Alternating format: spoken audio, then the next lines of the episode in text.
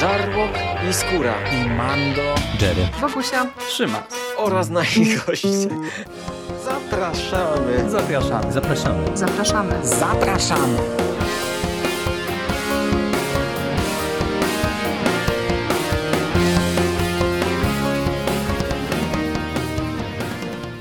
Cześć, witam serdecznie wszystkich słuchaczy y, w kolejnym odcinku konglomeratu podcastowego.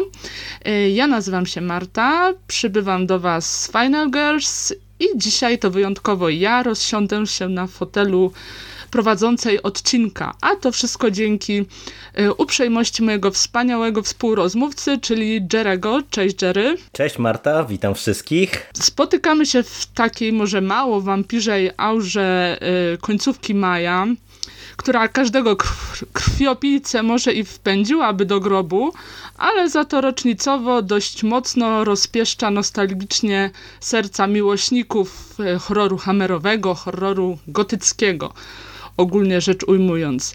My spotykamy się 22 maja z Jerem, czyli w dokładną rocznicę premiery jednego z filmów, które będziemy dzisiaj omawiać, a będziemy się wszyscy razem słyszeć 27 maja, czyli w setną rocznicę urodzin naszego bohatera dzisiejszego odcinka, czyli Christophera Lee. I wykorzystując tą wspaniałą urodzinową y, okazję, postanowiliśmy z Jerem y, powrócić do jednego z najważniejszych dokonań y, tego kultowego aktora, czyli y, jego przedstawień y, hrabiego Drakuli pod skrzydłami Hammera. Części jest kilka, więc yy, i tematów do rozmów mnóstwo, tym bardziej, że każda z tych części jest mimo wszystko inna. Ja korzystając e, z przywileju prowadzącej, chciałam zacząć od takiego małego spoilera, krótkiego komentarza, który może, ale też niekoniecznie zdradzi słuchaczom, w jakim tonie będzie to podcast. Jerry, powiedz mi, lubisz Drakulę Christophera Lee w ogóle? Umieściłbyś go w czołówce swoich ulubionych Drakuli? E, no, ja go bardzo lubię i e, wydaje mi się, że to jest niezmiennie dla mnie ten Dracula, e, że się tak wyrażę, bo tak jak no, e, można powiedzieć, że wiele ikonicznych kreacji tej postaci przez dziesięciolecia dostaliśmy.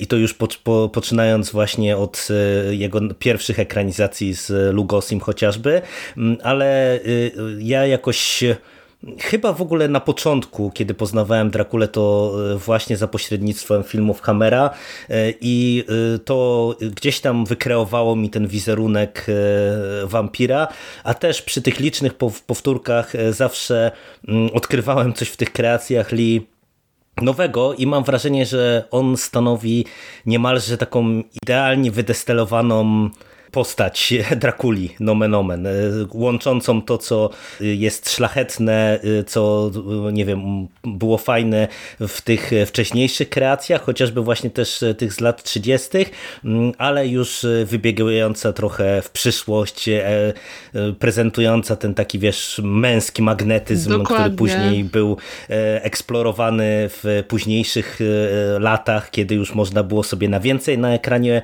mm, pozwolić i no i pod tym kątem to mówię, to jest dla mnie chyba ta najlepsza kreacja słynnego wampira. Myślę, że zrobiłeś idealne wprowadzenie w naszą dzisiejszą rozmowę, bo rzeczywiście Dracula Christophera Lee jest zarówno tym archetypicznym e, angielskim gentlemanem, z jakim zwykło się często e, utożsamiać Drakulę, jak i tym trochę przegiętym, trochę dziwacznym e, wampirem, który będzie wkraczał e, w kolejnych częściach, bo seria e, Hammerowa oczywiście rozrosła się do kilku, kilku epizodów, ale jako, że mamy już mniej więcej ukierunkowany ton naszej dzisiejszej rozmowy, także jak widzicie, słyszycie, drodzy słuchacze, będziemy raczej Christophera Lee chwalić, to pozwolę sobie przejść e, już na początek naszej drogi, czyli e, do roku 1958.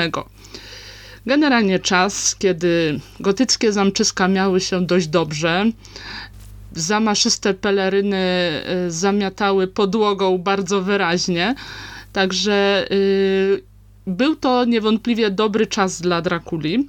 Zresztą dla Hammera również, bo wówczas świętowano powrót na ekrany innego gotyckiego y, potwora, czyli Frankensteina w filmie Przekleństwa Frankensteina.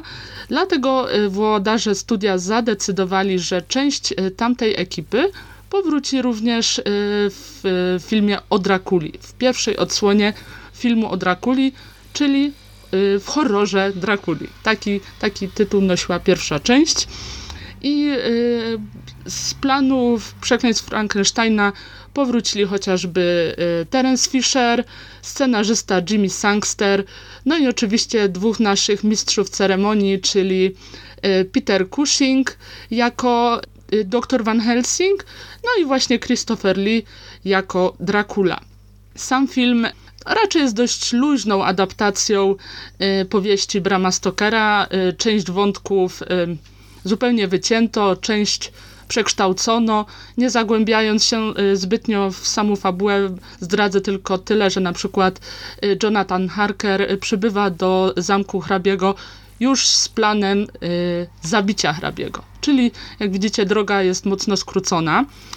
Y, I ciekawi mnie, y, czy, cie, czy na ciebie, Jerry, ten film e, działa w ogóle jeszcze jako horror?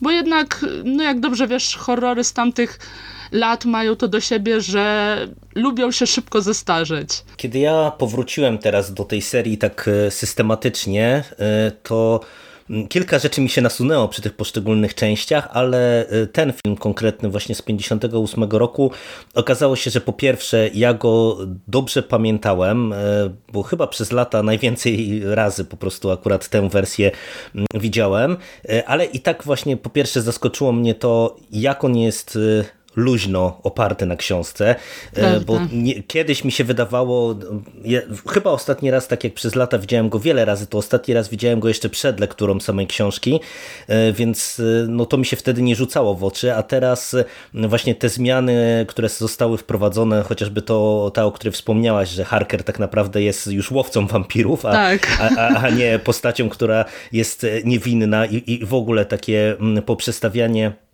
wielu wątków, skrócenie e, niektórych elementów, no wycięcie e, wielu ważnych e, sekwencji, no nie ma chociażby całej tej sekwencji podróży ikonicznej Dokładnie. Mm, do, do Londynu, tylko to wszystko gdzieś tam się rozgrywa w Rumunii, co nawet trochę bawi, że, że w zasadzie oni wszyscy chyba funkcjonują w Rumunii, tak. łącznie z Falkensingiem i, i Miną Lucy i właśnie Jonathanem Harkerem, mm, ale paradoksalnie ten film broni się nieźle. On jest Y, pokryty już patyną, nabrał takiej szlachetności, ale mam wrażenie, że właśnie przez to, że on jest w tym takim bardzo charakterystycznym y, dla y, filmów z tego okresu, filmów Hammera i nie tylko, no bo to te, te filmy bardzo są zbliżone chociażby też do tego, co mm, serwował nam Corman w swoich ekranizacjach Poego, mm, no to one są na tyle fajnie y, zaprezentowane tak wizualnie y, i na tyle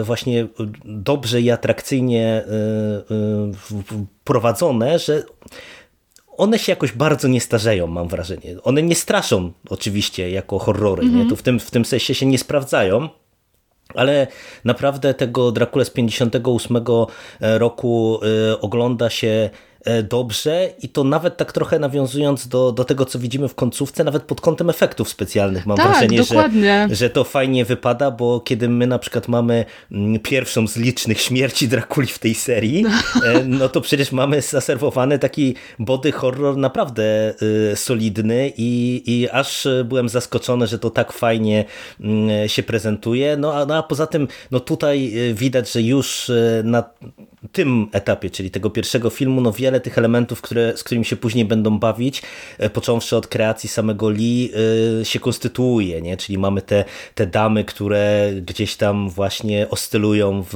radarze naszego hrabiego, mm, e, mamy tych przeciwników Drakuli, którzy są tacy troszeczkę, powiedziałbym, rozbiegani bardzo tak. często. No i pod tym kątem naprawdę to był fajny, fajny powrót po latach. Mhm. Ale rzeczywiście coś w tym jest o tych efektach, które, o których wspominasz, e, bo e, to, co mnie najbardziej zaskoczyło oglądając te filmy, to, że zupełnie nie widać jakichś ograniczeń budżetowych, prawda? Te Mhm, filmy nie, nie wyglądają tanio. Więc no owszem, są tam e, różne jakieś e, śmieszne reakcje, które po latach e, mogą e, bawić, e, jakieś teatralne aktorstwo. Zresztą samego Drakuli, który momentami może być e, odrobinę przerysowany, ale film estetycznie rzeczywiście się broni. Świetne y, mm, są same mm, y, plany, dość obszerne. Ten film nie jest, nie jest duszny, nie jest zamknięty tylko w, y, w przestrzeniach zamku, więc to też może wpływać na odbiór, potęgować e, ten ogrom przestrzeni, a w historii Drakuli ta transylwańska, karpacka przyroda, otoczenie zawsze odgrywały kluczową rolę przecież. Tak, tak. No tutaj to jest bardzo dobrze y, rozgrywane. Zresztą mm, bardzo mi się podobało, jak ten film jest nakręcony w niektórych momentach, no bo tak Dokładnie. jak wspomniałaś, y, Fisher, Terence Fisher, czyli jedna z ikon Hammera, odpowiadała tutaj za reżyserię. No i tutaj jest kilka fajnych patentów, y, tak jak mamy na przykład te pierwsze mm, wykorzystanie schodów, nie? kiedy nam się pojawiają e, poszczególne e, postacie dramatu, e, kiedy mamy pierwszą scenę mordu, gdzie jeszcze nie chciano pokazywać nam wszystkiego i jest to wykorzystane e, na zasadzie cienia e, padającego i, i, Tak. i tego kołka wchodzącego w ciało właśnie w postaci cienia. I też na przykład jedną z takich rzeczy, które Uważam, że fantastycznie wypadają. To jest to otwarcie w ogóle. Te napisy początkowe z tą dramatyczną muzyką, z takim posągiem, e, który mi się kojarzy mocno z egzorcystą, z e, tym e, sumie prologiem tej egzorcysty i, i ta ochlapana krwią trumna Drakuli z tymi napisami początkowymi. No, to naprawdę robi wrażenie, nie? To, to, z jednej strony to jest naprawdę już mm, kino no nie z dzisiejszej epoki, ale przez to, że właśnie to jest no, kostiumowe jednak kino, no to, Racja. to wypada dobrze. I te plansze też trochę się y, kojarzą jeszcze z tym y, kinem niemym, prawda?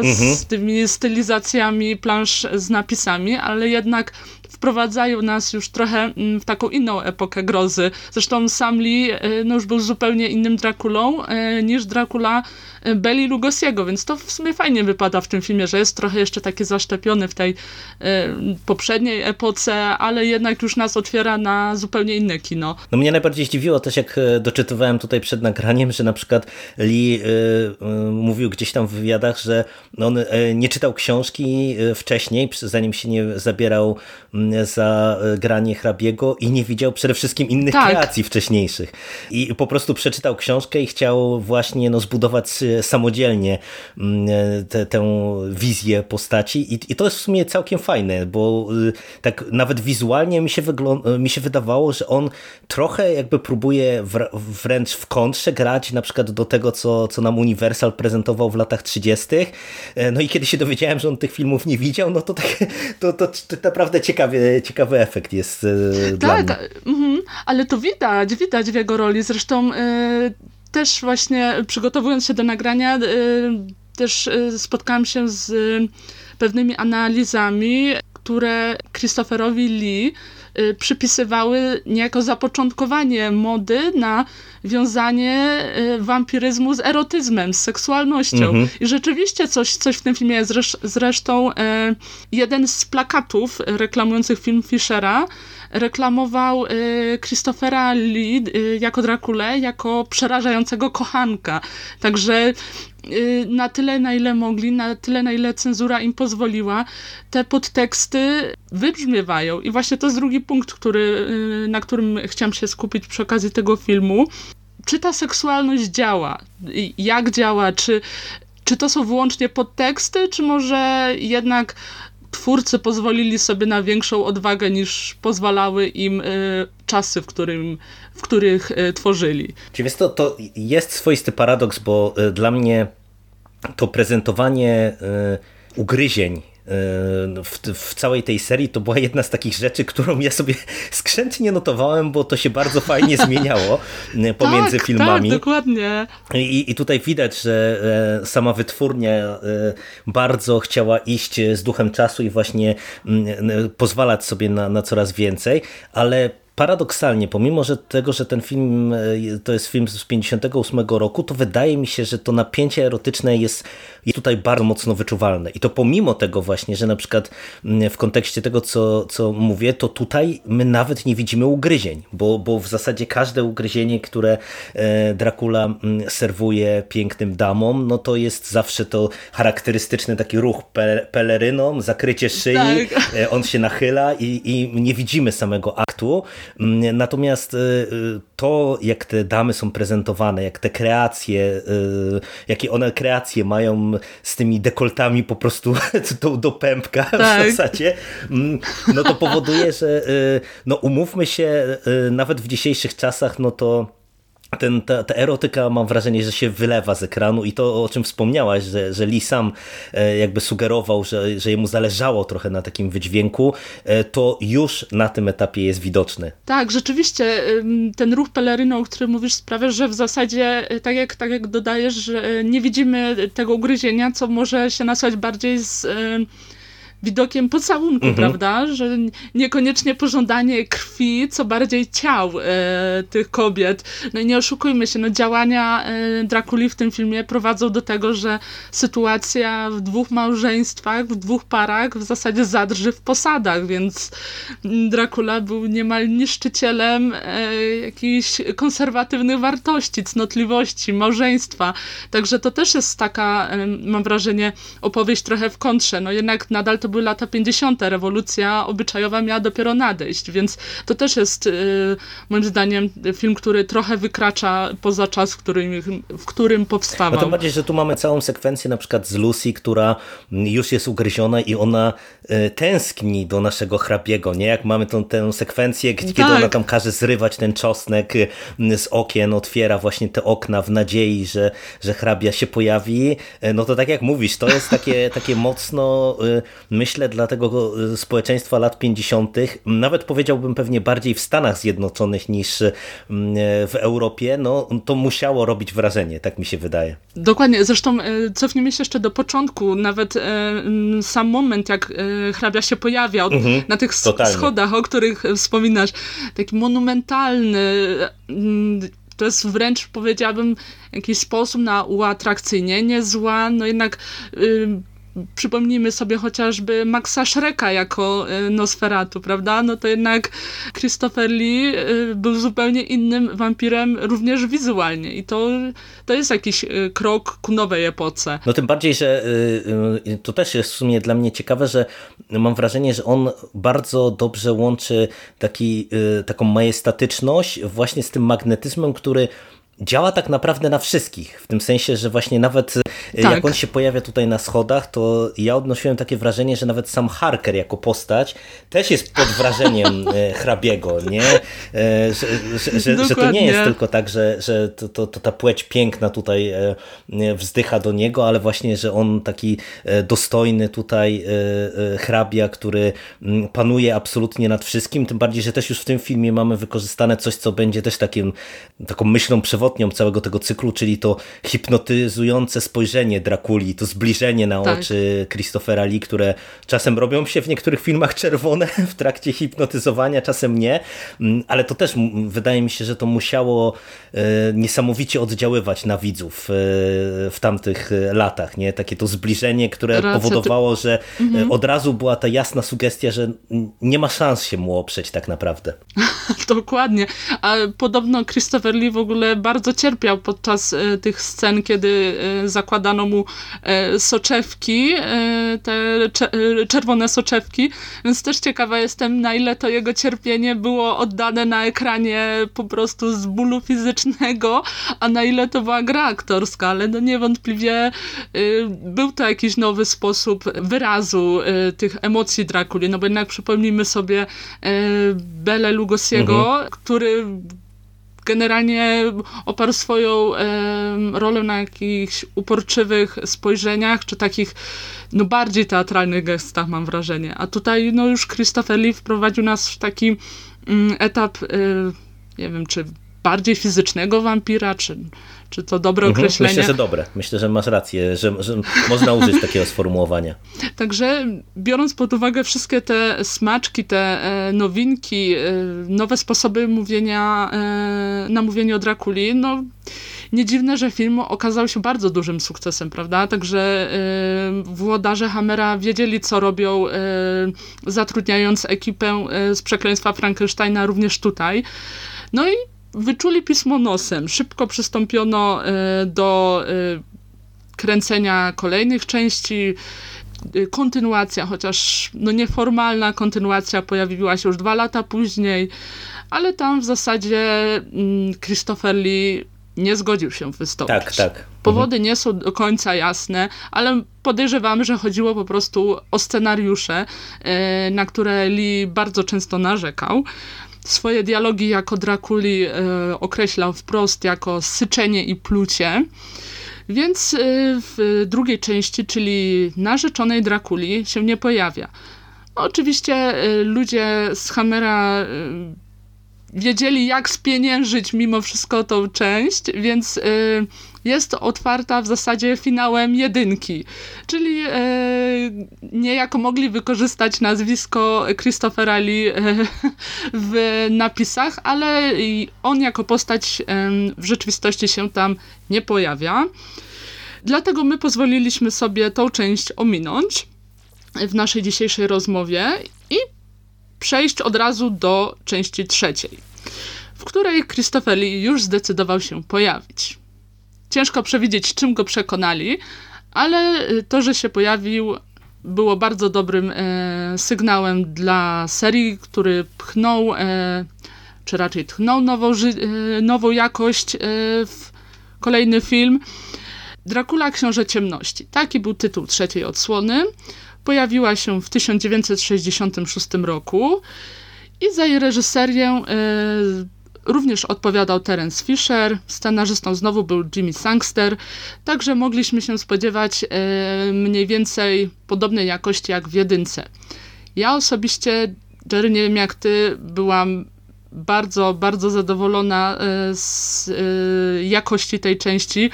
Śmiem twierdzić, że podobała mi się nawet bardziej niż jedynka i myślę, że tam też można znaleźć dużo y, nowych smaczków i zupełnie nowego y, podejścia do, do historii jako Drakuli, y, jako historii o Drakuli. Zresztą moje serce fanki slasherów było bardzo, bardzo zadowolone. Ale do tego przejdziemy w trakcie rozmowy o tej części. Tak, to jest bardzo dobry film moim zdaniem i, to jest drugi z tych tytułów, które też widziałem kilkukrotnie w swoim życiu, ale powrót był bardzo dobry.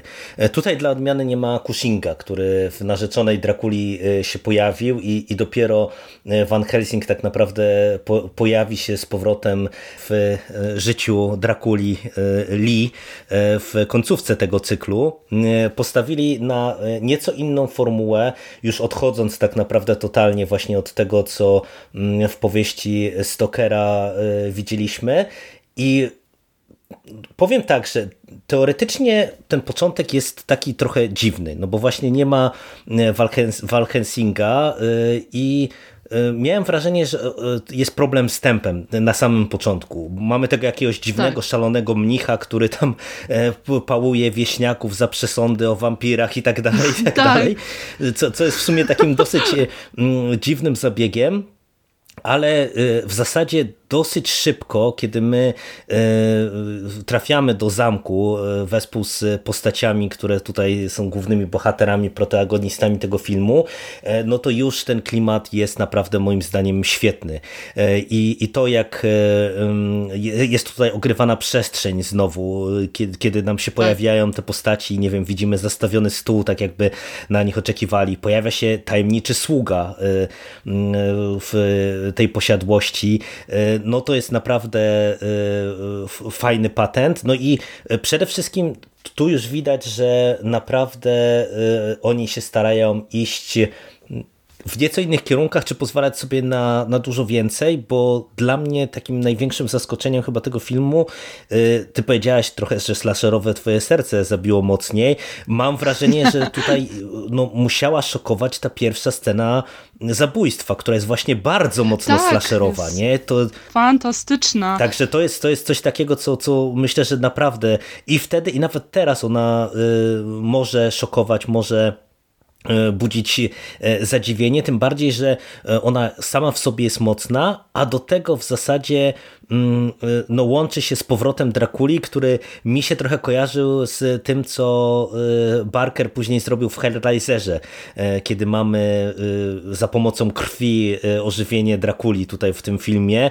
Mm, I, i znów mamy bardzo fajne efekty specjalne, także, także to wejście Drakuli na scenę jest, jest naprawdę bardzo mocne.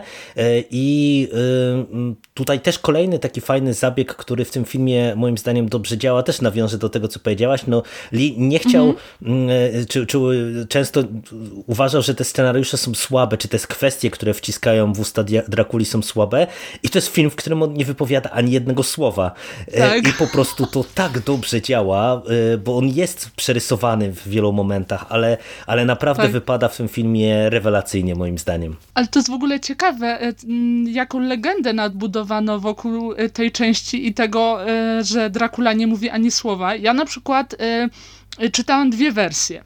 Z jednej strony podobno Christopher Lee sam się zbuntował i zdecydował, że nie powie ani słowa, a z drugiej strony czytam na przykład, że Jimmy Sangster sam zdecydował, że po prostu Drakuli żadnych dialogów nie napisze, bo uznawał, że, że Dracula ma gryźć swoje ofiary, a nie z nimi rozmawiać. Także dwie wersje, ale dwie wersje tych samych wydarzeń, niewątpliwie budujące yy, samą legendę postaci i dodające jej też nowego wymiaru, jakiejś też przewrotności, powiedziałabym. I jeszcze tylko wrócę e, do tego, o czym mówiłeś, że na początku to tempo jest takie średnie. Rzeczywiście coś w tym jest. Przecież e, ten film e, rozpoczyna się kolejny raz od wspomnienia finału mhm. jedynki, czyli dokładnie tak jak narzeczona Drakuli. Nie wiem, jaki był tego cel. Czy twórcy, y, jeżeli zobaczy, y, skoro zobaczyli, że Christopher Lee chce powrócić na plan to tak jakby wykasowywali narzeczoną Drakuli, tego filmu nie ma, yy, czyli wróćmy do yy, finału jedynki, nie mam pojęcia, ale rzeczywiście yy, ten początek jest taki trochę niemrawy, dlatego paradoksalnie dalsza część akcji moim zdaniem wybrzmiewa jeszcze mocniej.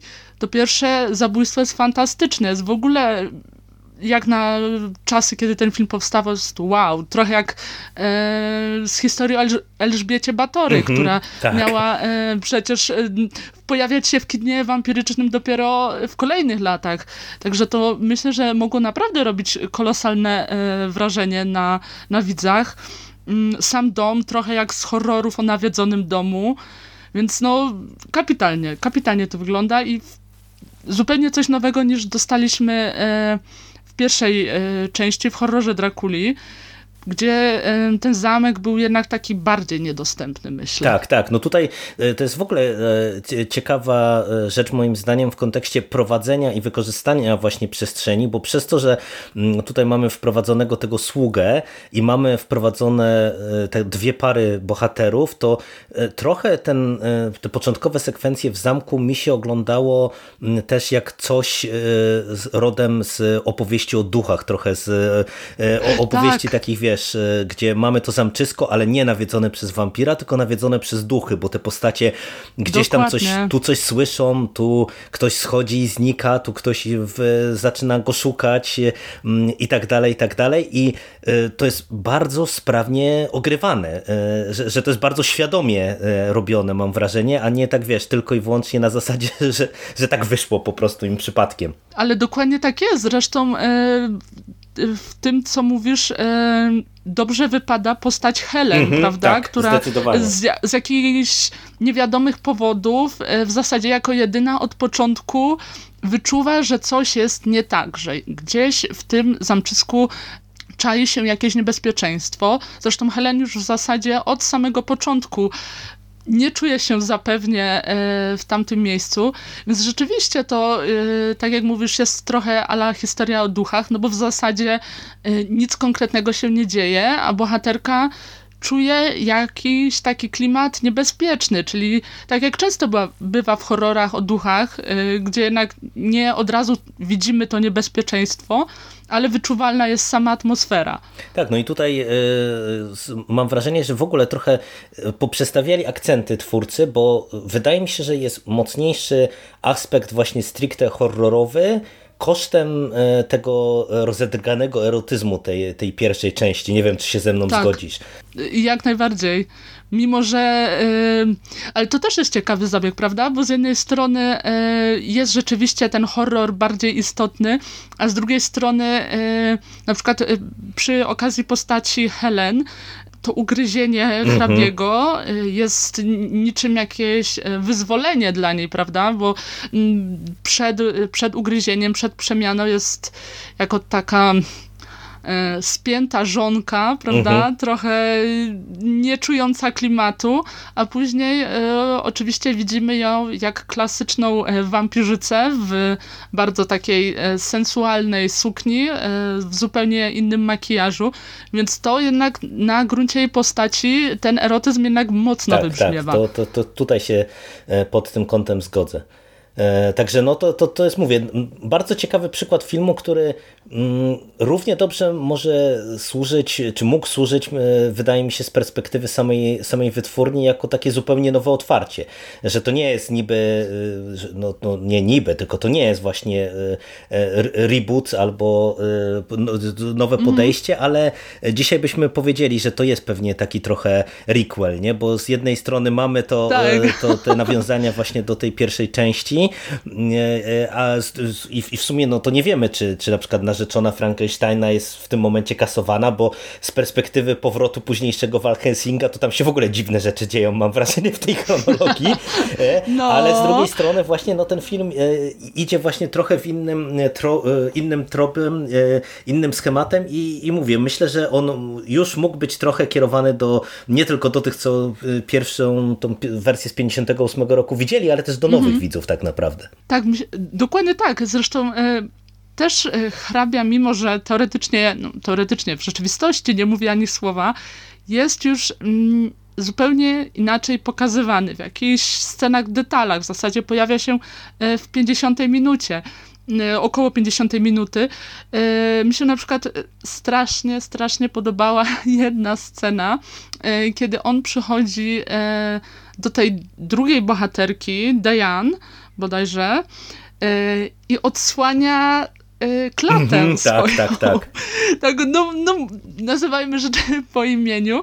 I to też jest, to, to też mogło być, wow, y, mogło mieć taki efekt wow, prawda? Bo do tej pory, no to był jednak kojarzony z takim jakby to powiedzieć, z taką stylowością, że jednak to ciało było zakryte, prawda? W tych grubych materiałach, eleganckich, a tymczasem tutaj Dracula niemalże się nam rozbiera e, i w taki sposób e, każe bohaterce pić e, swoją krew, więc to już mogło ro robić naprawdę konkretne wrażenie. No tym bardziej, że ja nie wiem, czy to nie jest pierwsze, a na pewno wydaje mi się jedno z pierwszych tego rodzaju właśnie prezentowania w kinie wampiryzmu, czyli że nie przenosi się to tylko przez ugryzienie, ale właśnie, że tutaj mamy to przekonanie y, jeszcze w zasadzie przecież człowieka, no bo Diane na tym etapie jeszcze y, nie jest ugryziona, żeby właśnie pić krew y, wampira, no bo to później mam wrażenie, że to się zrobił taki dosyć często wykorzystywany motyw, przecież to bardzo ważny ten element, nie wiem, chociażby z miasteczku Salem Kinga i później w ekranizacjach, gdzie tam w zasadzie ta krew wampira mm, niszczy w pewien sposób ojca Kalahana, no to tutaj mamy mhm Mhm. właśnie takie, takie uwodzicielskie, y, ale w inny sposób właśnie podane to, to ten magnetyzm y, wampiryczny i to, to przymuszenie do uległości tak naprawdę y, tych naszych żeńskich postaci w kontekście Drakuli. Tak, czyli rzeczywiście to był taki kolejny krok do przodu odnośnie tego, co mówiłeś wcześniej, że ten, to portretowanie ofiar Drakuli, tych kobiet, z każdą kolejną częścią szło coraz bardziej do przodu, było pokazywane coraz y, śmielej, więc każda część y, była jakby przekroczeniem kolejnej granicy, prawda? A tutaj no to było śmiałe.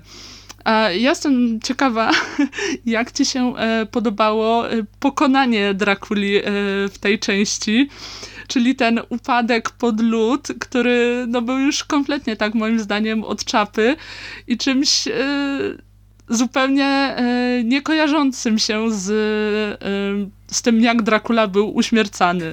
Wiesz to, z jednej strony ja w kontekście całej serii e, doceniam to w dwójnasób. Po pierwsze, oni tutaj już zaczęli budować tę mitologię, że wampira można pokonać wodą, co później będzie mhm. wracało też w e, tych kolejnych odsłonach cyklu, co mi się w sumie podoba, bo ja osobiście jakoś nie kojarzę e, wampiryzmu tego takiego klasycznego z wodą jako wodą, nie? tylko raczej właśnie mamy woda święcona, krzyż, czosnek, tego tak. rodzaju tam atrybuty, mhm. a tutaj mówią wprost, że woda jako właśnie to, to czyste, czysta materia, no to też może wampira pokonać.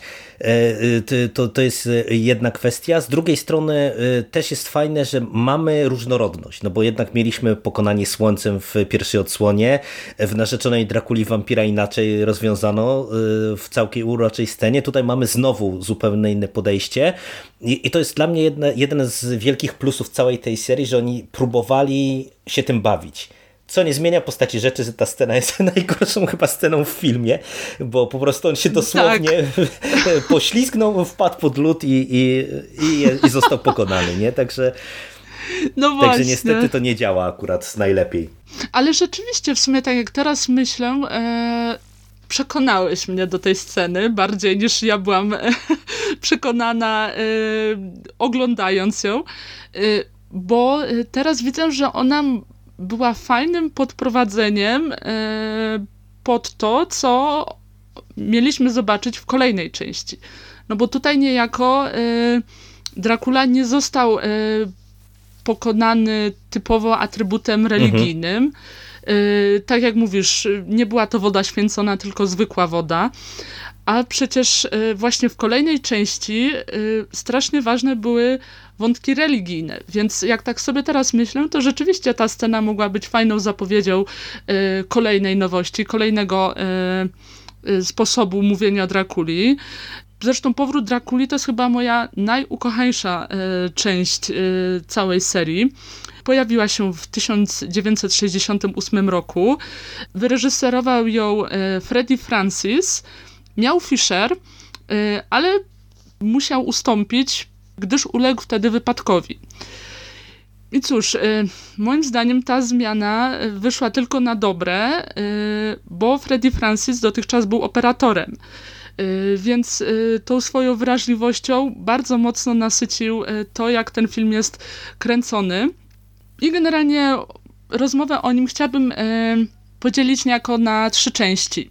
Skoro e, zakończyliśmy mówić o poprzedniej części od wątków religijnych, to może zacznijmy ten segment naszej rozmowy właśnie od tego, jak w tej części wybrzmiewają wątki religijne. A jest tutaj naprawdę masę ciekawych rzeczy, bo mamy z jednej strony dwóch księży, jednego z głównych bohaterów, pozytywnych bohaterów, który jest e, ateistą, więc to też e, było czymś zupełnie nowym e, w historii o bohaterze, który, antybohaterze, który jest przecież pokonywany najczęściej krzyżem, czy właśnie wodą święconą. Jak ci to grało? Czy, czy ostatecznie to było na plus, czy nie do końca? Ja się przyznam, że chyba tej części nigdy wcześniej nie widziałem, zanim nie zasiedliśmy tutaj do, do tych planów podcastowych. I uważam, że mhm. to jest rewelacyjna odsłona. Ona od samego początku y, fantastycznie się sprawdza, jak mamy to otwarcie w kościele właśnie, y, kiedy, kiedy y, taki kościelny idzie tam do tego dzwonu i sięga po, po sznur, żeby zadzwonić na mszę i mamy właśnie tą krew ścieka, ściekającą po sznurze i tego księdza, który idzie, znajduje ofiarę i to go załamuje. I właśnie tutaj wchodzi nam ten od razu ten wątek religijny w bardzo silny sposób i uważam, że ten wątek religijny jest mega świeży nawet teraz, po tylu, tylu latach od premiery, bo z jednej strony mamy wykorzystywane wątpliwości religijne, no bo ten ksiądz jest takim księdzem złamanym. No, my poznajemy go jako tak. duszpasterza, który nie ma komu nawet mszy odprawiać, bo ludzie boją się chodzić do kościoła, bo jest w cieniu zamku Drakuli. A on sobie z tym nie poradził, najkrócej rzecz ujmując, e, I, i trochę myślę, że się czuje mm, z jednej strony właśnie załamany tą sytuacją, z drugiej strony widać, że on trochę stracił też wiarę, e, spotka spotkawszy się ze złem. E, I to też nawet właśnie w kontekście tego, co widzieliśmy później, znowu nawiążę do miasteczka Salem, no to przecież to, to też jest taki motyw, mm -hmm. który pewnie był protoplastą mm, innych tego rodzaju rozwiązań w kinie, bo, bo, bo znów mogę nawiązać do tego, jak Barlow pognębia Kalahana właśnie, też odbierając mu niejako wiarę. Mm, także Dokładnie. pod tym kątem to wypada e, świetnie. E, a ten wątek ateisty to jest w ogóle dla mnie rewelacja, bo to, to ty powiedziałeś, no. że to jest nietypowe jak na film tego rodzaju, gdzie jakby pokonujemy antagonistę e, właśnie za pomocą menturażu religijnego, ale, ale ja mam mhm. wrażenie, że to się w ogóle nie zdarza. W tym sensie, że jeżeli mamy do czynienia właśnie z horrorem e, różnego rodzaju, czy tam jakimś o, o nawiedzeniach, czy jakichś egzorcyzmach, czy cokolwiek weźmiemy, gdzie właśnie ten enturaż religijny jest jest ważny, to wydaje mi się, że praktycznie rzecz biorąc to się, tego się nie spotyka nawet teraz. Nie? To, to są przeważnie osoby wierzące, mogą być osoby, nie wiem, e, w pewien sposób wątpiące, e, osoby, nie wiem, złamane, osoby po przejściach. No widzieliśmy to w licznych filmach i klasykach, począwszy od Egzorcysty chociażby ale tak. żeby ateista, wiesz, był tak otwarcie protagonistą w filmie, no to, to czegoś takiego nie ma. A tutaj nawet przecież mamy e, chyba dwie czy trzy dyskusje wręcz e, pomiędzy naszymi tak. bohaterami, tym ateistą, który smali cholewki do, do naszej głównej żeńskiej bohaterki i, i tym e, księdzem, tym pozytywnym, no to to mówię, to jest naprawdę coś, co fantastycznie wypada w tym filmie. To jest w ogóle świetna scena tej rozmowy, bo zauważ, że ona nie jest, nie wiem, otoczona jakąś aurą wstydu y, czy coś. Bohater jest pewny siebie, pewny swoich y, wartości i ta scena jest ucięta y, w takim momencie, że mamy takie wrażenie, jakby tutaj miała wejść w grę jakaś bardzo zaangażowana filozoficzna dysputa, więc to też mogłoby być ciekawe starcie tego Y, zaangażowanego y, monsignora, jak, jak to jest nazywany,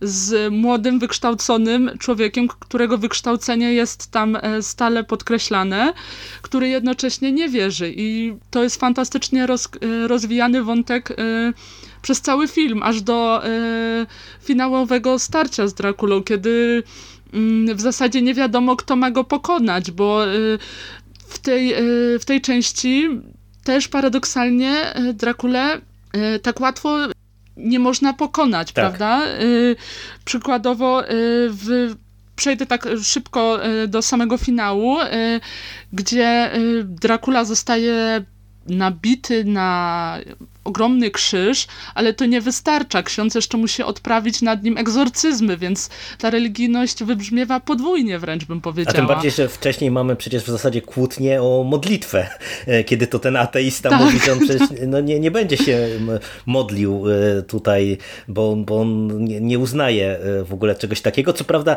tu w tym kontekście jest taka jedna, e, e, można by powiedzieć, trochę kontrowersyjna e, kwestia, bo widzimy suma summarum, że ten ateista tak w końcówce to jakby jednak trochę się nawraca, nie? Tam nawet modlitwę odmawia. Są jakieś tak. wątpliwości, no, prawda? Także, także tak jakby troszeczkę ku temu konserwatyzmowi jednak skręcali, no ale nie zmienia to postaci rzeczy, że mm, fantastycznie tutaj to jest prowadzone, a, a w kontekście tego krzyża to ja jedną rzecz tylko Chciałem powiedzieć, że mm. to, co wspomniałaś o reżyserze, że on jest operatorem, e, to tu uważam, że e, jest jedna z najlepszych wizualnie scen w tym filmie, kiedy nasza dwójka księży na początku idzie w góry, jeden niesie ten krzyż o na tak. plecach, żeby odprawić egzorcyzmy w zamku to, to jest tak fenomenalnie nakręcone. Ja sobie screenem, wiesz, porobiłem, żeby mieć to tak. gdzieś tam e, zapamiętane, no bo doskonale to wygląda, mimo właśnie tego, że to jest przecież tak wiekowy film. Ale właśnie to, to czym mówisz, ja miałam dokładnie to samo oglądając tą część, y, w ogóle nie miałam y, wrażenia, że ona powstała w 68 roku. W ogóle nie czuć y, upływu czasu. No nie oszukujmy się, w poprzednich częściach jednak trochę, trochę mimo wszystko czuć, że to jest film z zupełnie innej epoki, a tutaj ogląda się go perfekcyjnie. Dlatego no ta zmiana reżysera wyszła filmowi na dobre, a skoro już e, przeszliśmy do tej estetyki, to jeszcze e, chciałabym e, porozmawiać o tych cudownych niemal gialowych mm -hmm, filtrach, tak. które są tam w atakach użyte w trakcie ataków Drakuli. No, fenomenalnie to moim zdaniem wygląda, a myślę, że to też było jakieś ryzyko przerostu formy nad treścią, prawda? Ale wypadło znakomicie. Tam jest na tyle dobrze historia poprowadzona, że y, te efekty tylko ją uwypuklają. Na pewno nie, nie tłumią, nie nie zwyciężają nad jakością historii. Nie, absolutnie. Tutaj mamy e, raz użyty taki fantastyczny e, żółty film, filtr, drugi raz chyba różowy, e, czy taki fioletowy i, tak. i naprawdę to się tak dobrze ogląda, to, to się tak szlachetnie starzeje, bo to też jest taki patent, który w sumie on nie jest y, w ogóle chyba często jakoś wykorzystywany i tutaj przez to, że tak jak mówisz, to jest łączone stricte z tymi mm, atakami y, y, Drakuli tak. i właśnie z tym, że też ten twórca naprawdę czuć, że on miał rękę i oko do tego wszystkiego, bo przecież tutaj mm, ta część ma najwięcej chyba takich fajnych patentów właśnie wizualnych, bo przecież te ataki też mamy poprzedzone na przykład tą wspinaczką po dachach bohaterów, to przecież tak, tak te dachy są prezentowane, to, to wow, nie? To, to jest po prostu, to wygląda tak fenomenalnie. Przecież to było, to chyba studio musiało być e, zrobione, a to wygląda wręcz surrealistycznie po prostu, jak te postacie po tych dachach się poruszają i, i kiedy mamy później właśnie te mm, ataki naszego, naszego wampira, no rewelacyjnie pod e, tym kątem wizualnym to wszystko wypada. Dokładnie, zresztą e, moim zdaniem te ata- Boże, nie ataki, tylko te sceny na dachach, o których mówisz, fajnie podbijają e, ten wątek romantyczny, mm -hmm, tak. który e, też jest, też jest super napisany moim zdaniem. Naprawdę w tych bohaterów jesteśmy w stanie uwierzyć, prawda? Paul, czyli nasz ateista, o którym już mówiliśmy, jest na tyle barwną postacią, na tyle y, niejednoznaczną, y, że naprawdę ogląda się go super. Z kolei y, Marii, e, czy Maria, już teraz nie pomnę jak się jej imię e, odmienia w tym filmie, e, też wzbudza sympatię y, i chcie, chce się tej parze kibicować, więc te wizualia y, dodatkowo jakby dodają, myślę, romantyzmu temu wątkowi. No tym bardziej, że tutaj y, to, to w ogóle znowu wracamy, mam wrażenie, do, do takiego podbicia te, tego wątku jakoś tam erotycznego czy cielesnego, no bo tutaj nasz bohater w zasadzie trochę wpada w którymś momencie w sidła jeszcze jednej kobiety, nie? Bo tutaj mamy tą taką tak. E, barmankę e, e, dosyć wyzwoloną, najdelikatniej rzecz ujmując, co wydaje mi się też było w sumie ciekawym zabiegiem z punktu widzenia właśnie pisania w tych wszystkich relacji, nie? gdzie mamy z jednej strony szczęśliwą relację, bo, bo tak jak mówisz, ten Pol jest bardzo pewny siebie i widać, że on buduje gdzieś tam taką fajną relację już pewnie zbliżającą się do małżeństwa i z drugiej strony właśnie mamy tę pewną siebie też taką barmankę barmankę, która trochę nie ogląda się na, na to, że właśnie, że on ma tam jakąś swoją pannę, tak. tylko, tylko nie, idzie, idzie po swoje, nie? Jak akurat ma ku temu okazję i, i to też bardzo fajnie jest ogrywane. Później w kontekście wykorzystania właśnie tej postaci barmanki przez Drakulę, nie? Bo tutaj też są na przykład takie, mam wrażenie, szokujące sekwencje w tym momencie, jak on przejmuje już kontrolę nad właśnie tą barmanką i on w którymś momencie na przykład ją bije otwarcie, kiedy, kiedy to mamy w Tak. kadrze i to jest znowu taki element, który tutaj jest dodany i wydaje mi się, że to też musiało robić w e, tych latach sz- e, 60. no wrażenie, bo, bo mimo wszystko to czegoś takiego e, w tych wcześniejszych częściach nie pokazywano, nie? Ale rzeczywiście, właśnie miałam mówić, że, y, że ten film jest już jakby coraz bardziej brutalny. Dokłada y, kolejną cegiełkę do tego, co będzie w kolejnych częściach, prawda? Y, Pamiętasz y, tą scenę otwarcia, kiedy to ciało wypada z, z tego Mhm, tak, dzwonu tak. kościelnego i te wampirze ukłucia są bardzo mocno zarysowane. W poprzednich częściach no raczej to były, była jakaś umiarkowanie wyrazista y, charakteryzacja, że tak opiszę, a tutaj mamy wręcz y, rozrytą skórę i to jest y, naprawdę coś, y, co mogło mm, przerazić. Zresztą y, to samo później widzimy u barmanki Mhm. Zeny, tak chyba, Chyba tak, odmawia imię.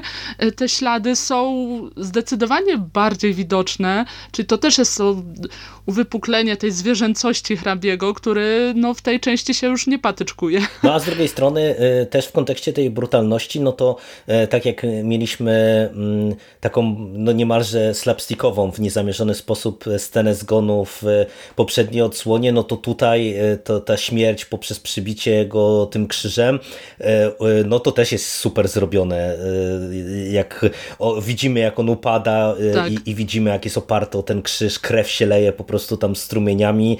E, No tutaj dbają o te horrorowe atrakcje bardzo mocno. Tym bardziej, że zauważ, że ta śmierć y, jest dość wydłu- Mhm, wydłużona tak. w czasie, prawda? To nie jest krótkie cięcie, sz- szybka scena, tylko jednak trochę to konanie, pozorne oczywiście, Drakuli y, widzimy. Ale jeszcze zanim przejdziemy do kolejnej części, to jeszcze chciałam na chwilę wrócić do tego, o czym już zaczęliśmy rozmawiać, czyli do tej właśnie frywolności tej e, e, części, bo nie wiem, czy się ze mną zgodzisz, czy też miałeś takie wrażenie, ale moim zdaniem ta część e, z jednej strony najmocniej uwypukla e, tą religijność, ale też tą seksualność tej sceny. Przecież tych wątków e, jest e, cała masa. Od studentów, którzy no, raczej bezpardonowo podrywają barmankę w tym pubie, aż po przegenialną, chyba moją ulubioną scenę ataku Drakuli, czyli pierwszy atak na Mari, czyli partnerkę e, Pola. Ta scena jest zupełnie inaczej nakręcona niż poprzednie ataki Drakuli w, poprzedniej, e, w poprzednich częściach. Jest e, znacznie dłuższa na zbliżeniu, wygrana praktycznie cały czas na zbliżeniu i co najciekawsze, Dracula w zasadzie mm, nie gryzie od razu Marii, najpierw ją wręcz, nie wiem, wącha, y, czy muska jej twarz.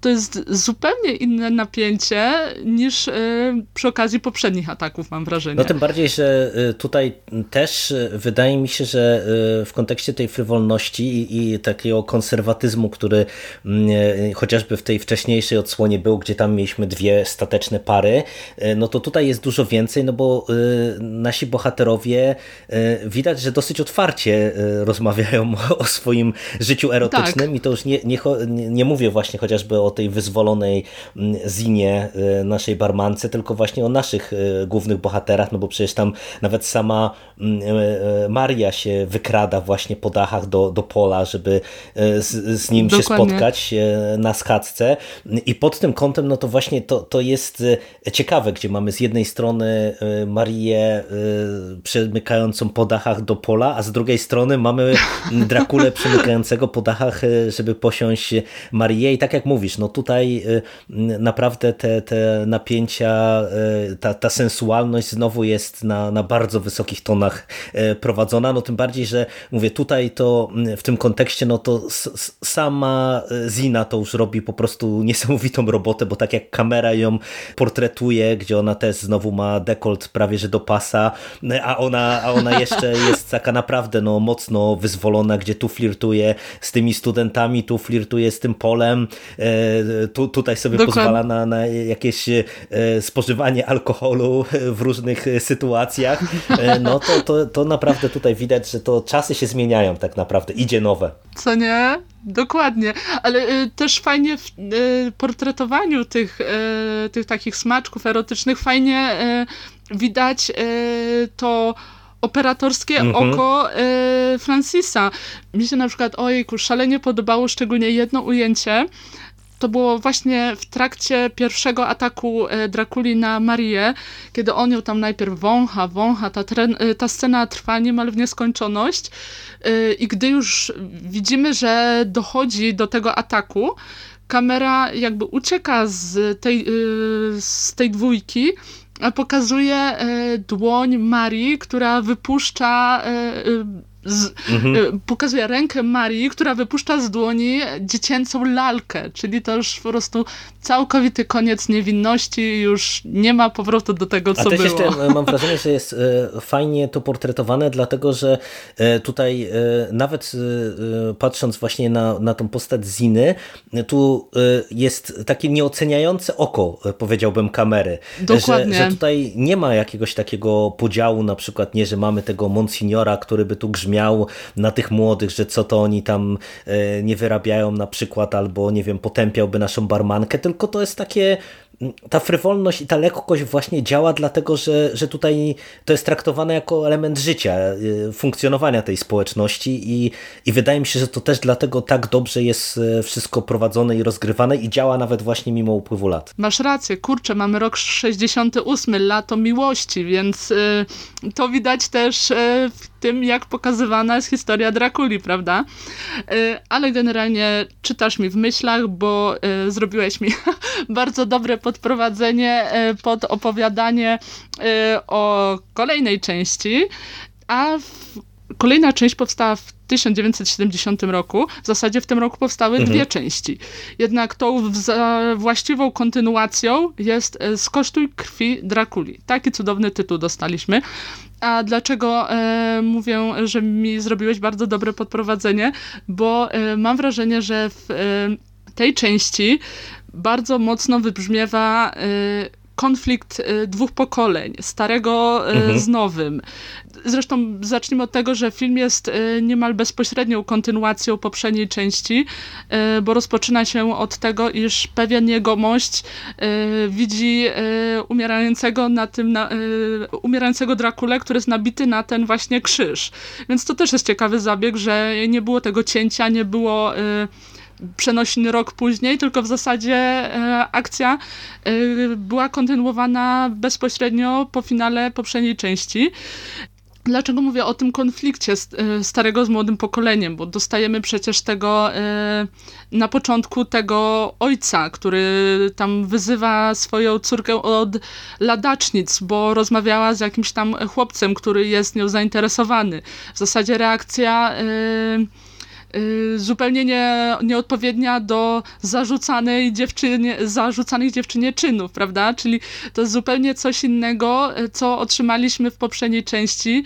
Jest podkreślony ten, ten konflikt zupełnie y, innych wartości i to właśnie oceniające spojrzenie, oceniające spojrzenie ojca, który nie do końca potrafi zaakceptować zmiany, które zachodzą e, w obyczajowości kolejnego pokolenia. No to jest taki film graniczny pod pewnymi względami i ten wątek, e, od którego ty zaczęłaś, to e, jest rzecz, która mi się szalenie w tym filmie podoba, bo tam ten ojciec rzuca wręcz coś takiego, ja sobie nawet zanotowałem, że nie możesz się zadawać z tym gościem, bo jesteś już seksualnie dojrzałą młodą damą. Co tak, co, co po prostu nie wiem, jak o ojcu może przejść, mogą przejść przez usta tego rodzaju słowa pod adresem e, swojej córki, ale okej. Okay. Ale ten, ten gość jest e, niesamowicie mm, portretowany, bo my z jednej strony widzimy właśnie, jak on tam obsztorcowuje tą swoją córkę, jak widzimy, jak ta matka tkwi w jakiejś takiej toksycznej relacji, w zasadzie jest taka zahukana, a bardzo szybko my mamy przecież wyprowadzone, e, wyprowadzony ten wątek w zupełnie mm, drugą stronę i nagle się okazuje, że ten tłamszący matkę plecący o moralności mąż i ojciec zostawia swoje damy i idzie po prostu do burdelu oddawać się uciechom cielesnym i, jakimś innym wyszukanym zabawom i pod tym kątem to jest naprawdę bardzo właśnie taki no, graniczny film. Tym bardziej, że tutaj pierwszy raz my tej sensualności, tej erotyki nie mamy sugerowanej, tylko no tak, jest, jest wprost, wprost. Nie? Tutaj y, mamy nagość na ekranie. Co prawda z tego, co coś czytałem, to chyba w Stanach ten film był pocięty i tej nagości chyba tam nie prezentowano w kinach, ale i tak, no e, wow. nawet y, jeżeli to tylko była e Europa, no to wydaje mi się, że to też jest ciekawe właśnie, że tutaj mamy już e, nagość na, na ekranie, nie? bo to no wcześniej tego, tego nie było. Zresztą e, e, jak jesteśmy przy, tej, przy tym wątku seksualności, to później bym chciał jeszcze mm, do tego trochę wrócić, bo tutaj mamy też po raz pierwszy pokazane wysysanie krwi na ekranie, które jest jednoznacznie erotycznie moim zdaniem portretowane trzymaj ten wątek, trzymaj.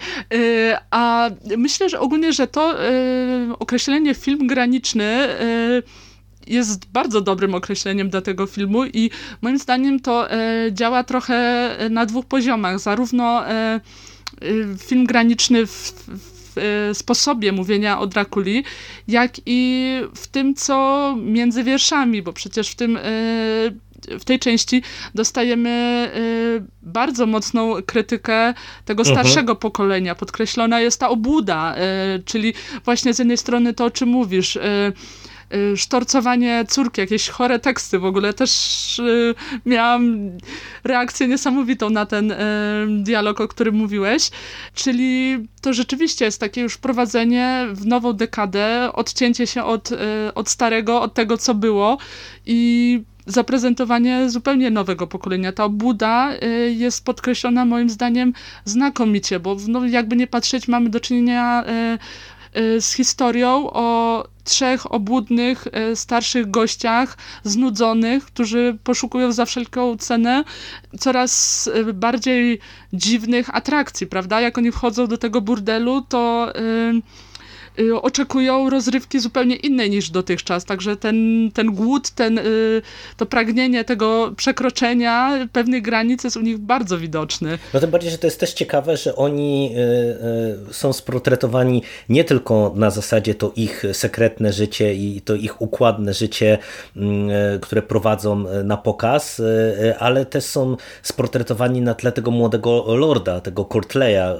który tutaj jest tym tak. katalizatorem dla powrotu Drakuli. E, i to e, na przykład filmowo też jest ciekawe, bo gdzieś tam jak się przygotowywałem, to, to nawet e, czytałem, że była sugestia, że na pierwszych etapach scenariusza to w ogóle nie miało już być tutaj Drakuli, tylko właśnie to ten Lord Coltrane najprawdopodobniej miał być tym, tym wiodącym wampirem, ale ja się bardzo cieszę, że zmieniono tutaj to wszystko i dostosowano i ten powrót Drakuli tutaj mamy serwowany, no bo ten Courtley jako ten młody taki z kolei młody, stary w tym, w tym sensie, że o ile ci, to stare pokolenie jest prezentowane jako takie szukające tych uciech, ale nie wiem, czy, czy nie miałaś mm. też wrażenia, że oni byli wszyscy znudzeni, że oni tak jakby poszukiwali tych jakichś podniet, ale niespecjalnie ich one interesowały, tak bardziej odhaczali e, te, te, te kolejne rzeczy z listy i on w zasadzie im nawet wprost e, w którymś momencie mówi, że e, no, jak chcą poznać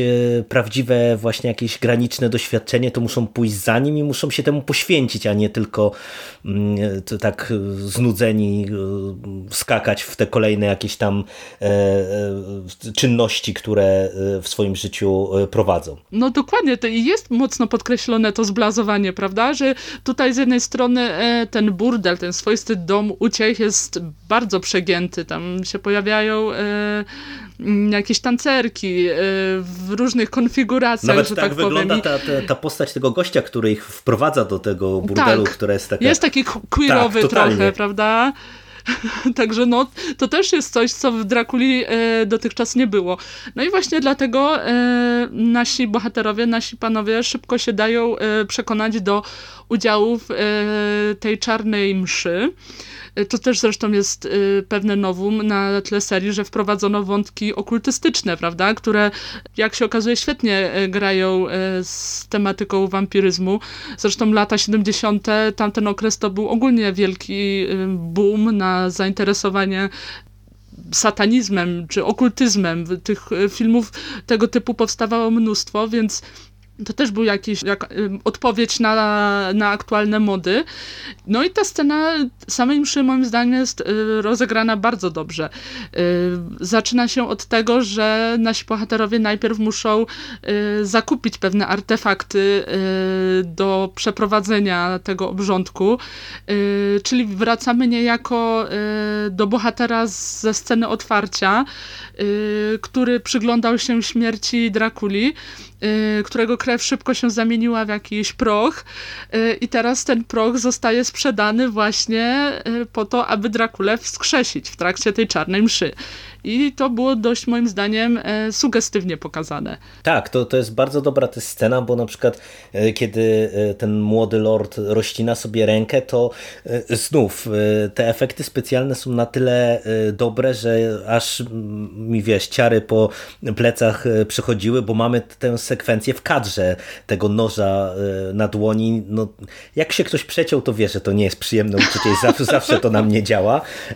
I tutaj pod tym kątem to jest to jest mocne, mm, ale też y, y, bardzo mi się podoba jakby ten pomysł z tym wskrzeszeniem Drakuli, to jak jest to później wykorzystywane, dlatego że Dracula tutaj jest trochę inną postacią, bo on od tego momentu wskrzeszenia, kiedy w zasadzie się dowiaduje, kto za to odpowiada, mm, to y, trochę nie, nie wiem, czy to nie będzie nadużycie, no bo bo trochę to tak nie do końca działa, bo on się posiłkuje też e, kolejnymi paniami, ale nie miałeś wrażenia, że tutaj nam się robi taka slasherowa fabuła z tym odliczaniem kolejnych zgonów tak. przez Drakulę? Ale dokładnie tak. Ja, jejku, ja w mojej interpretacji poszłam wręcz dalej. Nie wiem, czy mi to wypada publicznie mówić, ale niech stracę ja znowu miałam wrażenie, że to z jednej strony było slash, slasherowe, a z drugiej strony wręcz taki klimat takiej trochę sekty, prawda? No bo y, jakby mhm. nie patrzeć, Dracula osobiście y, w zasadzie nie zabija tych mężczyzn, którzy byli odpowiedzialni za przeprowadzenie tej czarnej mszy. On niejako wpływa na ich dzieci, które następnie tych czynów dokonują. Więc... Diaboliczne totalnie. Ale to strasznie, kurczę, tym bardziej, że no mamy rok 1970, y, y, no a wiemy, czego dokonała banda Mansona rok wcześniej, prawda? Więc nie wiem, czy to już nie wchodzi w grę moja super wielka nadinterpretacja, ale no takie miałam pierwsze skojarzenie, kurczę. Znaczy wiesz to, to, to nawet by się wpisywało e, w to, co powiedziałaś na początku odnośnie tego konfliktu e, młodzi-starzy, no bo tutaj w zasadzie to dzieci zabijają swoich e, rodziców. Dzieci, Dokładnie. które do momentu, kiedy ich rodzice tak naprawdę na nich tej, tej klątwy Drakuli nie sprowadzili, no to funkcjonowały jako, no można powiedzieć, dobre dzieci dzieciaki, no bo tutaj e, wszystkie te postaci są postaciami pozytywnymi. E, no ale kiedy już właśnie dostałem się pod wpływ Drakuli, no to e, tutaj też są mocne sceny. No przecież ta, ta pierwsza sekwencja ze szpadlem, kiedy Ojejku, Alice tak. wbija szpadel w głowę ojca, to jest no mocna rzecz, naprawdę. To, to, to nadal działa moim zdaniem. Tak i to ze, pod względem estety, estetycznym, czyli tej, e, tego efektu gore, ale też pod, pod względem tej e, emocjonalności, prawda? Mhm, czyli tak. dziecko tak. zabija rodzica, także to zawsze y, mogło robić wrażenie na ekranie. Y, ja w ogóle mam wrażenie, że ta scena, y, sorry, ta część jest mocno taka oniryczna, taka trochę, trochę nierzeczywista. E, nie wiem, jak ci się podobał sam finał, w którym e, Dracula ma jakieś przywidzenia, że są w tym kościele i wyobraża sobie przeprowadzaną mszę i to niejako prowadzi do jego kolejnej śmierci. Tak, no trochę e, tego finału nie zrozumiałem i później dopiero gdzieś jak czytałem o filmie, to, to przeczytałem taką interpretację, że to po prostu to ten kościół, który był przeznaczone na tą czarną mszę znowu niejako uzyskał tą świętość. Takie to jest trochę dla mnie dyskusyjne sam ten finał, tym bardziej, że on jest poprzedzony wiesz, tym rzucaniem organów na przykład przez Drakulę w nasze Tak. postacie, Mm, co, co, co jest takie sobie. Natomiast y, ja to całościowo kupuję, bo właśnie podobało mi się to wszystko, co było wcześniej, jak on mm, używa tych postaci, jak y, ogrywa właśnie ten wątek y, miłości dziecka y, do rodzica i odwrotnie, bo przecież tutaj y, przecież ta jedna z postaci w zasadzie ginie tylko i wyłącznie dlatego, że no zawahała się, żeby zabić y, właśnie swoją córkę. Mm, Czyli gdzieś tam jednak y, te, te y, pozytywne resztki u pozytywnych uczuć w niej tkwiły i, i naprawdę to było bardzo ciekawie rozgrywane, tym bardziej, że to, to jest też w sumie ciekawe, że odnosiłem wrażenie, że w tej odsłonie Dracula jest z jednej strony bardzo erotyczny, do czego zaraz przejdę, ale z drugiej strony jest taki mocno wycofany czy stonowany, yy, gdzie wiesz, gdzie no, mieliśmy yy, w, w tych wcześniejszych odsłonach niektórych no takiego już yy, wampira mocno, wiesz, który tam tu syczał, kąsał, biegał Tak. po dachach, skakał i tak dalej, a, a on się tutaj w zasadzie pojawia jako takie, taki człowiek ścienia, nie? Bardziej zarządzający i po- pociągający za sznurki niż yy, Właśnie. działający. Dlatego tak to odliczanie e, w zasadzie robi e, największe wrażenie, niekoniecznie e, samo działanie, bo tak prowadzi nas jak po sznurku do tego właśnie e, finału. Ale rzeczywiście ta erotyczność e, Drakuli e, tutaj wybrzmiewa, co też się pewnie fajnie e, zespala z czasami, w których ten film powstawał. No tak, tak. No tutaj to, to jest właśnie to, co powiedziałem, że te, ta seria ewoluowała, bo mówię, tu mamy po raz pierwszy pokazane wysysanie krwi, gdzie widzimy, że Dracula gryzie w szyję swoją ofiarę i też jest ewidentnie pokazywane tu już jednoznacznie, m, że to jest uniesienie erotyczne, gdzie jest prezentowana nam twarz ofiary, czego też wcześniej nie, nie robiono, nie? bo właśnie Tak. było to ten charakterystyczny ruch peleryną, a tutaj nie, tu mamy y, twarz y, Lucy, y, przecież jednoznacznie wyrażającą właśnie rozkosz z tego, że, że Dracula ją posiadł i to jest z jednej strony ciekawe, z drugiej strony też jest moim zdaniem bardzo ciekawy zabieg, dlatego że mamy mm, po raz pierwszy tak wyraźnie zaprezentowane ugryzienie w drugą stronę, gdzie z kolei y, Lucy też chyba bodajże gryzie swojego mm, e, chłopaka y, w szyję. Tak. E, I to też jest y, bardzo jednoznacznie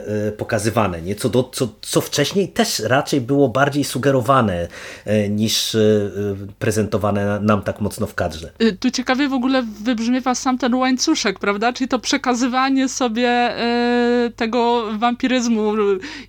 Jedna osoba e, przyprowadza kolejną, e, a ta kolejna przekazuje niemal klątwę wampiryzmu e, kolejnej, więc tym bardziej te ugryzienia tak mocno podkreślone stanowią te takie punkty graniczne, które Mhm. prowadzą nas w zasadzie do, do tego no, nie do końca udanego, ale jednak mimo wszystko mrocznego finału.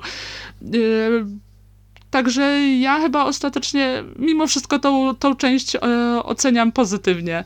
Yy, Nie, no, nie ja, wiem ją, jak ty. ja ją bardzo lubię, naprawdę. Uważam, że te, te, ten du, dublet taki środkowy e, to jest bardzo wysoki poziom i, i pod kątem właśnie różnego rodzaju innowacyjnych zabiegów i, i, i patentów, które tutaj e, powprowadzali i to jak to jest prezentowane i wizualnie fantastycznie, no plus tu są takie nawet małe fajne smaczki, bo tutaj pojawia się książka o wampiryzmie, chyba też po raz pierwszy w serii, gdzie mm, to, to nie jest tylko coś, co jest e, że tak powiem, tylko i wyłącznie dla wybranych, nie dla Walhensinga, dla, dla kościoła. Nie tutaj mamy książkę o wampiryzmie w którymś momencie Tak. w kadrze, czyli widać, że, że ten wampiryzm też już nam wchodzi do szeroko pojętej kultury, czy nauki wręcz. Zresztą postacie w którymś momencie mówią o wampiryzmie też niekoniecznie w takim złym świetle, tylko po prostu jako, jako właśnie taką pewnie, o takiej pewnej transgresji, nie? Także no, no ja uważam, że naprawdę te, te tutaj dwie odsłony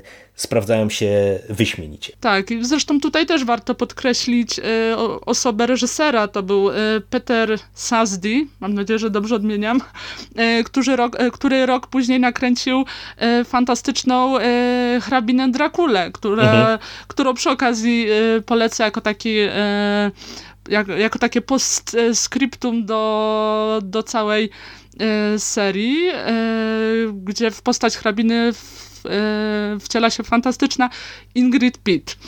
E, no ale wróćmy do naszej serii. E, w tym samym roku dostaliśmy kolejną część i nie wiem jak u ciebie, ale u mnie ona się zupełnie rozmyła y, z tym, co widzieliśmy y, poprzednio. Mam wrażenie, że ta szybkość, y, w jakiej powstała, jest bardzo widoczna.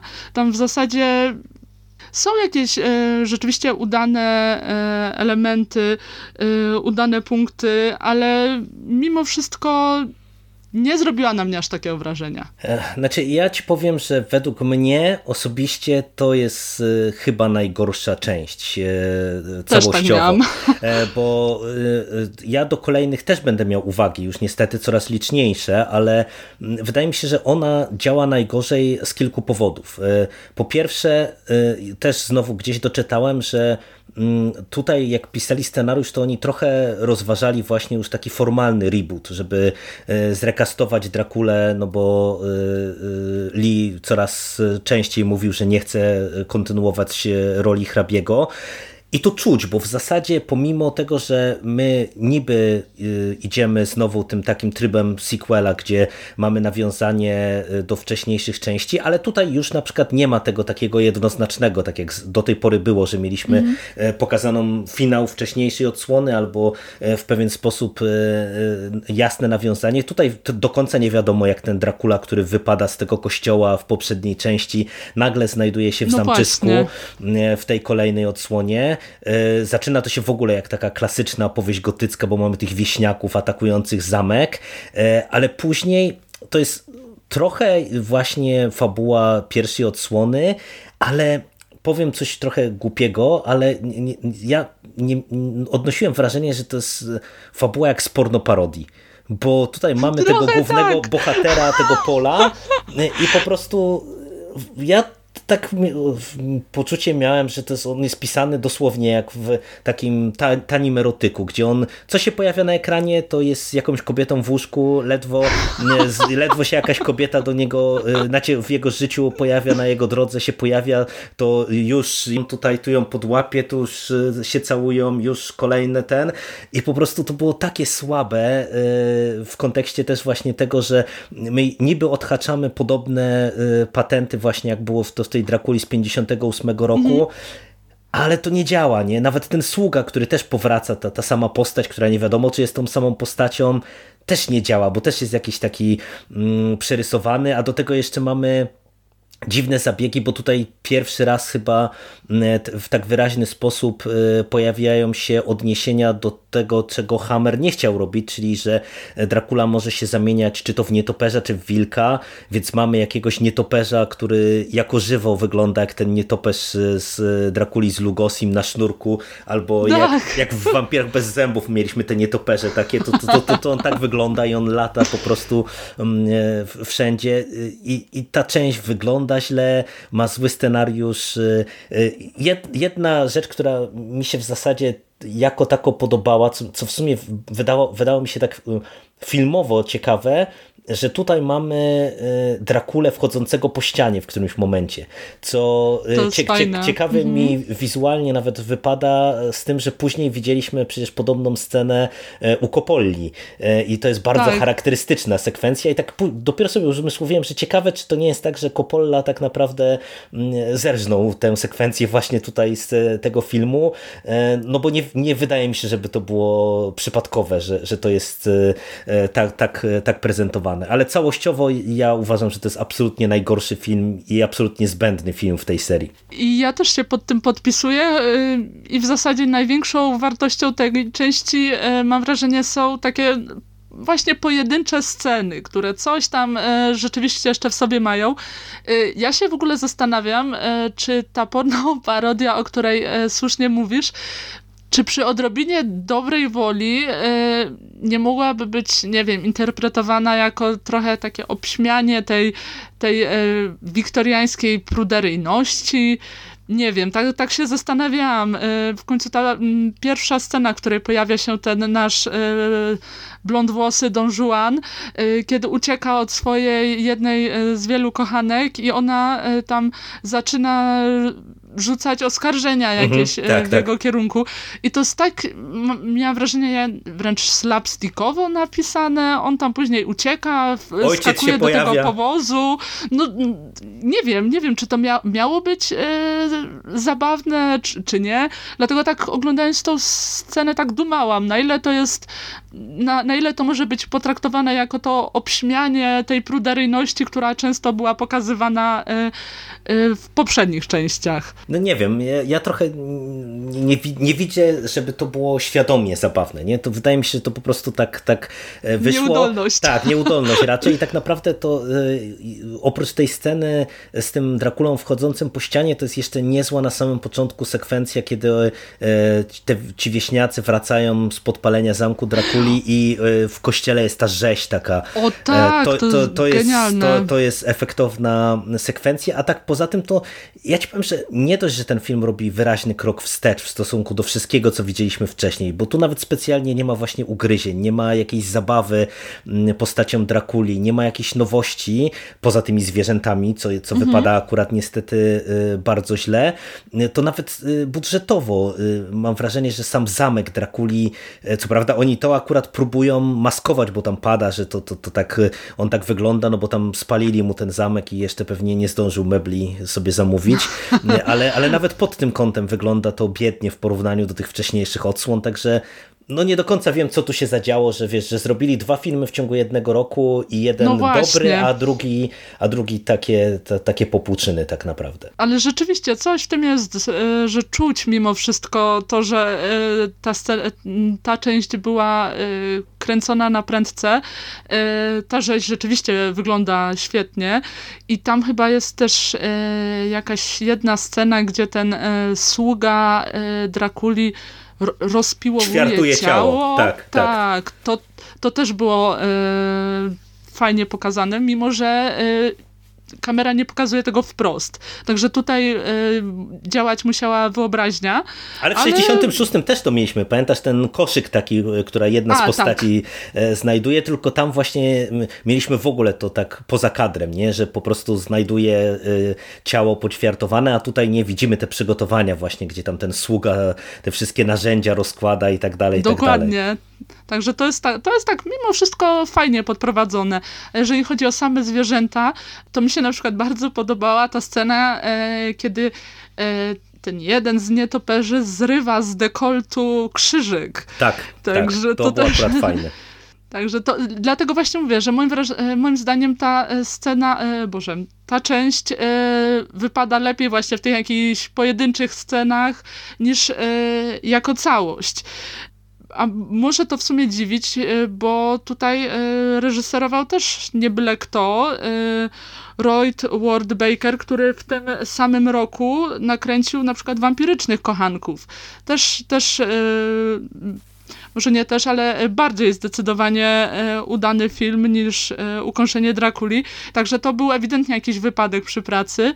Czy rok później na przykład Dr. Jekyll e, and Sister Hyde, zupełną transgresję na temat klasycznej opowieści, więc moim zdaniem tym bardziej boli ta część, gdy wiemy, że to nakręcił ją gościu, który mimo wszystko coś tam te klimaty czuł, więc nie do końca wiadomo, co tutaj nie zadziałało.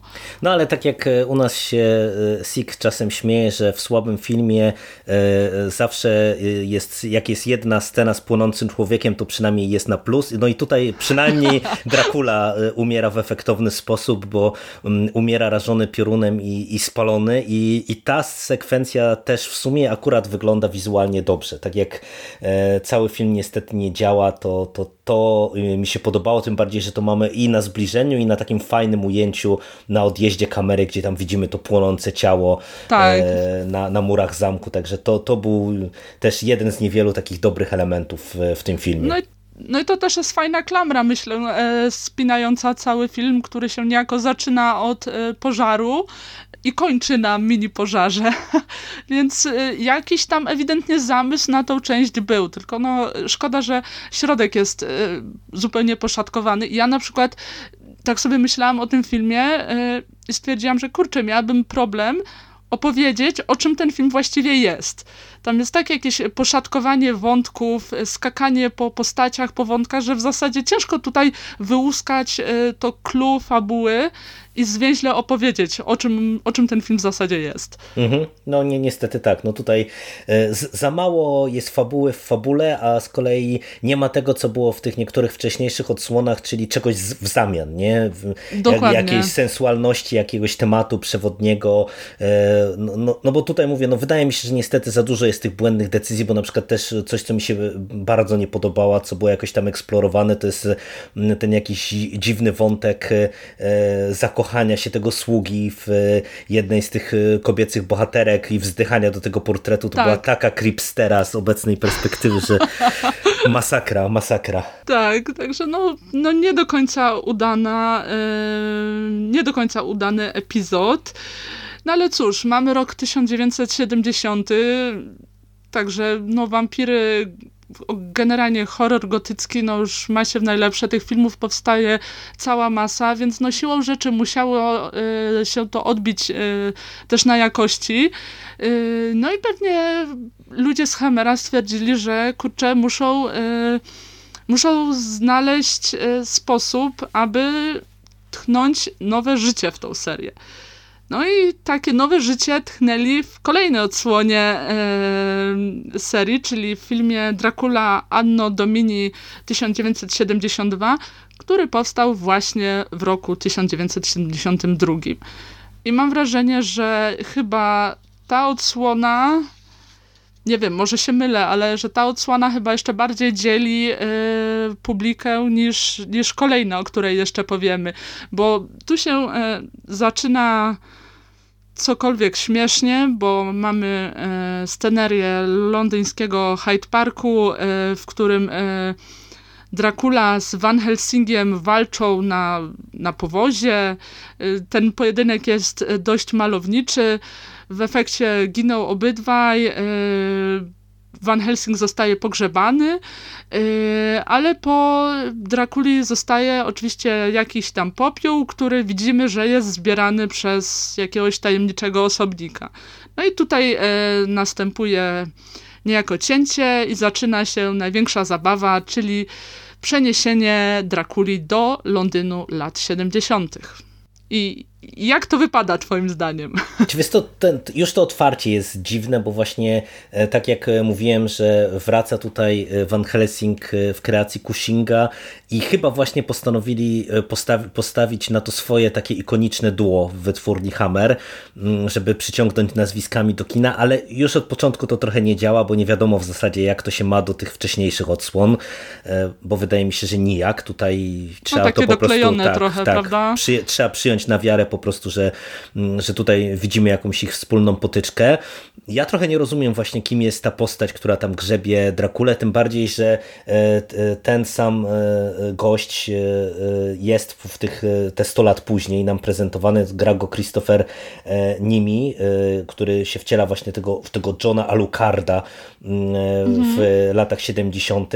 i Wiesz to, nie działa mi ta część, nie powiem otwarcie, bo e, ona ma sporo problemów, e, ale nie wynikających moim zdaniem z tego przeniesienia w czasy współczesne, mm, tylko, tylko z tego, że trochę twórcy chyba e, chcieli właśnie dokonać takich dużych zmian, ale z kolei nie za bardzo wiedzieli jak to zrobić, bo ten film ma znów problemy z tempem. No to otwarcie na przykład jest długie, widzimy jakąś, nie wiem, imprezę, jakiś koncert hipisów, którzy przejmują jakieś tam stateczne e, party e, w jakichś wyższych sferach i tam też pada taki śmieszny dialog, że oni są gorsi niż zwierzęta, bo to są antysocjaliści e, i, i tam pokazanych mamy tych hipisów po prostu jako najgorsze zło mm, na świecie. E, mamy tego Alucarda, który właśnie jest tym szefem hipisów, ale to całe wprowadzenie prowadzenie jest długie, tam mamy mnóstwo tej muzyki lat 70., która w sumie ty jesteś ekspertką w tym temacie. Nie miałaś wrażenia, że to jest w ogóle trochę muzyka jakby bardziej z mm, Black Exploitation wyciągnięta niż z jakiegoś takiego swingującego Londynu? Ale trochę tak, w ogóle nawet y, stylizacje, prawda? Y, zupełnie nie kojarzyły mi się y, z europejskością. Ja w ogóle miałam takie skojarzenie, że to party to bardziej y, jak z filmu e, Her, prawda? Mhm. Milosza Formana, tak, takie miałam skojarzenie. Yy, ale nie wiem, może, może coś mi umyka, może mi umykają jakieś historyczne e, konteksty z tego, jak wówczas e, wyglądał Londyn, ale rzeczywiście to się nie klei z estetyką, która jest e, kreowana wokół, czyli właśnie e, te ucieczki e, przed, przed policją, czyli to mocne zaszczepienie mm, w londyńskiej przestrzeni, a to trochę tak jakby y, z innej zupełnie parafii, y, że tak powiem. Y, generalnie moim e, zdaniem e, największym problemem tego filmu jest to, że on ma jakiś pomysł ciekawy, ma, bo mamy znowu e, te wątki okultystyczne, satanistyczne, znowu mamy czarną mszę, trochę powrót do e, tej wcześniejszej części, prawda? No i ta czarna msza to jest jeden z niewielu fajnych elementów, to, to naprawdę Dokładnie. też robi wrażenie. Tak i fantastyczna Caroline Munro, którą uwielbiam, kocham i fantastycznie, że się pojawiła w tej części, ale właśnie ten punkt wyjścia jest super, ale mam wrażenie, że potem zabrakło pomysłu na to, aby go y, w ciekawy sposób rozwinąć. Bo z jednej strony mamy niby tą atrakcję, że o, Dracula tropi hipisów, a z drugiej strony gdzieś ten klimat y, się później rozmywa, moim zdaniem. Wiesz co, bo to jest też trochę problem tego, y, że wydaje mi się, że ta część niby pokazuje pewną rewolucyjność, no bo właśnie mamy tych hipisów w kontrze do, do tego statecznego społeczeństwa, e, bo, bo to też znowu niby mamy te młode, stare, no bo jedną z tych hipisek jest wnuczka mm, e, kolejnego pokolenia Van Helsingów mm. i, i, i też ma niby to być pokazane właśnie to młode, stare, ale jak na rewolucyjne y, jakieś zapędy, to to jest bardzo mało rewolucyjnie, wydaje mi się. Poza tym, że, no że ci hipisi palą marihuanę y, i, i obściskują się y, w mm, barach, to, to w zasadzie naprawdę to, to chociażby ta z kosztu i krwi Drakuli było dużo bardziej taką naładowaną erotycznie, mam wrażenie, częścią i taką rewolucyjną częścią niż, niż to, co tutaj mamy, więc no to pokazuje, że coś nie zagrało, nie? No bo, no, no bo chyba nie o to chyba twórcom e, chodziło. Ale rzeczywiście coś w tym jest, tak, tak teraz myślę, no bo niby ten film e, miał być e, tym kontrkulturowym, prawda? 72 rok. A tak sobie teraz myślę, że e, on jest właśnie najmniej jak, jakoś e, kontrowersyjny. Rzeczywiście e, nie ma y, ani tej erotyki mocno podkreślonej, ani tej kontrkultury. W zasadzie ta muzyka, ta epoka była takim trochę pustym wabikiem, y, za którym w zasadzie nic nie stało.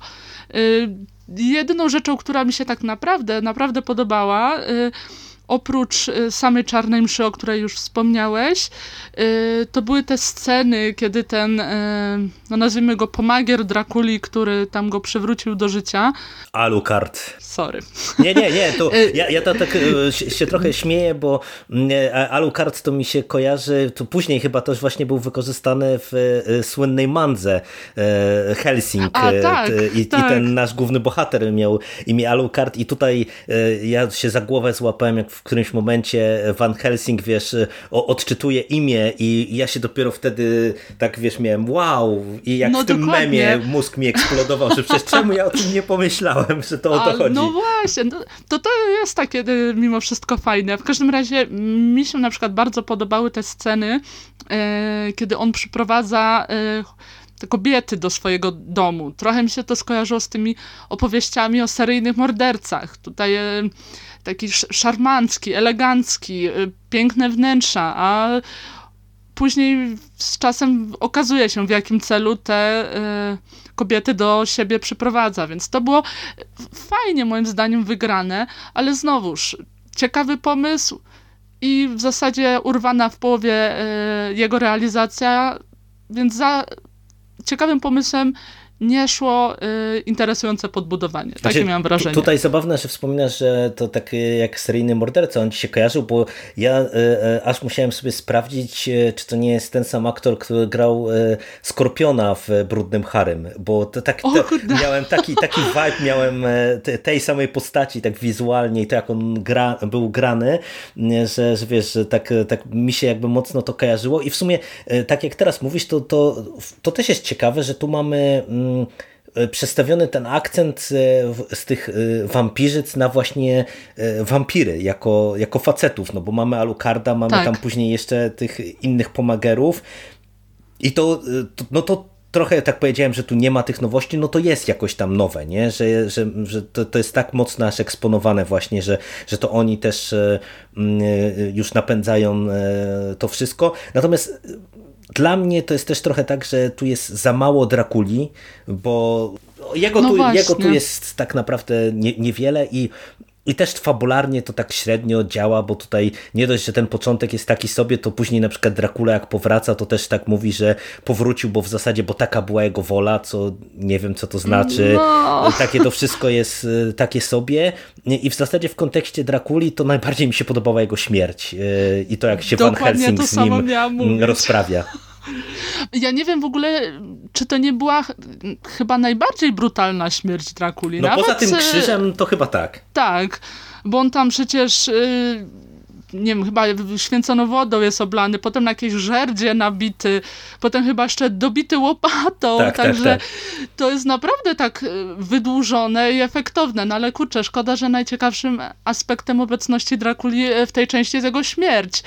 Także no, coś tam y, ciekawego było, jakieś zalążki pomysłów, no ale to były tylko pomysły. Także ewidentnie widać było, że no, seria chyba się już domaga końca. Tak, tak. No i ja niestety też jeszcze się przyznam, że mnie osobiście ta muzyka w tym filmie strasznie męczyła, bo e, w innym, w innym rodzaju kina wydaje mi się, żeby to mogło działać, ale niestety tutaj było tego za dużo i, i, i to też mi trochę psuło odbiór e, te, tego filmu, także no, dla mnie to jest druga najgorsza odsłona w całym cyklu. Hmm, to ciekawe, która z pierwsza? Czyżby kolejna? Nie, nie, nie. No to na, pierwsza to na pewno jest ta poprzednia, wiesz, e, e, Scars of Dracula. Nie, to, to, to Rzeczywiście. E, ta, ta kolejna, czyli ostatnia, to e, ja cię zaskoczę, ale ona mi się e, nieironicznie podobała i ja uważam, że to jest bardzo ciekawy film tak naprawdę na, na sam finał całej tej serii. Tak, ma już tytuł piękny, y, Szatański plan Drakuli. Y, powstała rok później i co ciekawe, została wyreżyserowana przez pana odpowiedzialnego za Drakulę Anno Domini 1972. Także widać, że coś tu chyba lepiej wykoncypował, skoro ta część podobała ci się bardziej. Ja w sumie sama nie wiem, bo jak oglądałam, e, gdy oglądałam ten film, to mi się tak średnio podobał, ale po sensie, jak zaczęłam o nim myśleć, to w sumie dostrzegałam, że coś tam w sobie ma, prawda? Zacznijmy od tego, że to jest nie tyle horror, co mam wrażenie niemal film szpiegowski o, o wampirach. Także to już jest punkt wyjścia y, fascynujący. Y, znowu mamy pewien okultystyczny rytuał na początku filmu, y, w którym y, rzekomo mieli brać udział wysoko postawieni urzędnicy, jacyś dygnitarze, także nie byle kto. I ten środek ciężkości jest y, przerzucony na to, aby te osoby wytropić. Potem wchodzi jeszcze y, wątek tej y, broni biologicznej, co brzmi kuriozalnie, gdy się o tym mówi, ale w filmie całkiem się to wszystko klei. No i tak się zastanawiałam, gdy oglądałam ten film, gdzie w tym wszystkim będzie Dracula, prawda? No i y, tak jak y, powiedziałem, mówię, że to może być zaskakujące, ale ja uważam, że to jest całkiem niezły film, co, co faktycznie jest zabawne, bo tutaj nie tylko reżyser, ale i scenarzysta tej y, poprzedniej części wraca, więc widać, że trochę lepiej to, to mieli poukładane i ja mam wrażenie, że to, to nie jest specjalnie dobry film e, całościowo. E, ni niestety, no jednak tutaj już widać, że e, Hammerowi się kończyły pomysły na to, jak zmieniać, ale tak, doceniam właśnie, że idą w zupełnie innym kierunku i tak jak mieliśmy to przeniesienie do współczesności, tak idą w to kino szpiegowskie, bo to, to jest ewidentne. To się trochę ogląda jak stare Bondy. W, tak, to samo skojarzenie miałam. No. Tym bardziej, że oni właśnie mają te, takie bardzo silne nakierowanie tego oka kamery nawet i, i położenie środka ciężkości na samą tę sprawę, kiedy oni tam przeglądają te zdjęcia, rozkminiają kto jest kim, te powiązania, ta tak. infiltracja y, tego y, budynku głównego, gdzie jest to ugrupowanie i tak dalej, i tak dalej. To jest bardzo silny taki szpiegowski vibe, mm, ale y, podoba mi się właśnie to, że tutaj w przeciwieństwie do tego poprzedniego filmu ten wątek może się nie podobać, Y, mogą się nie podobać te sceny akcji, które no nie pasują do końca mhm. do filmu o, o, wampirach, y, no bo to właśnie to jest po prostu, mówię, jak z kina szpiegowskiego z lat 70.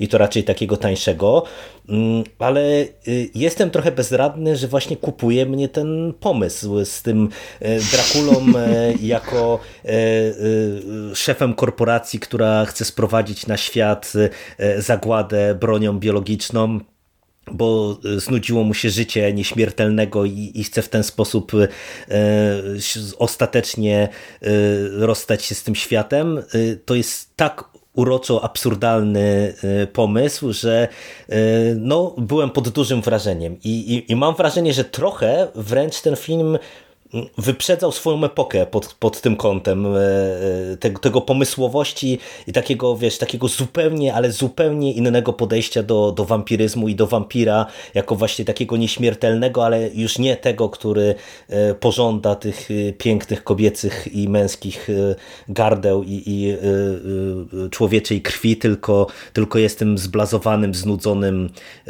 wampirem, który po prostu chce wywrzeć ostatnią zemstę na ludzkości i, i rozstać się z tym światem w spokoju. Y, dokładnie tak jest. Wiesz co, ja ci w ogóle powiem, że y, ja mam wrażenie, że ten film by, byłby dużo lepszy, y, jakby ten wątek, o którym mówisz, pojawił się dużo wcześniej.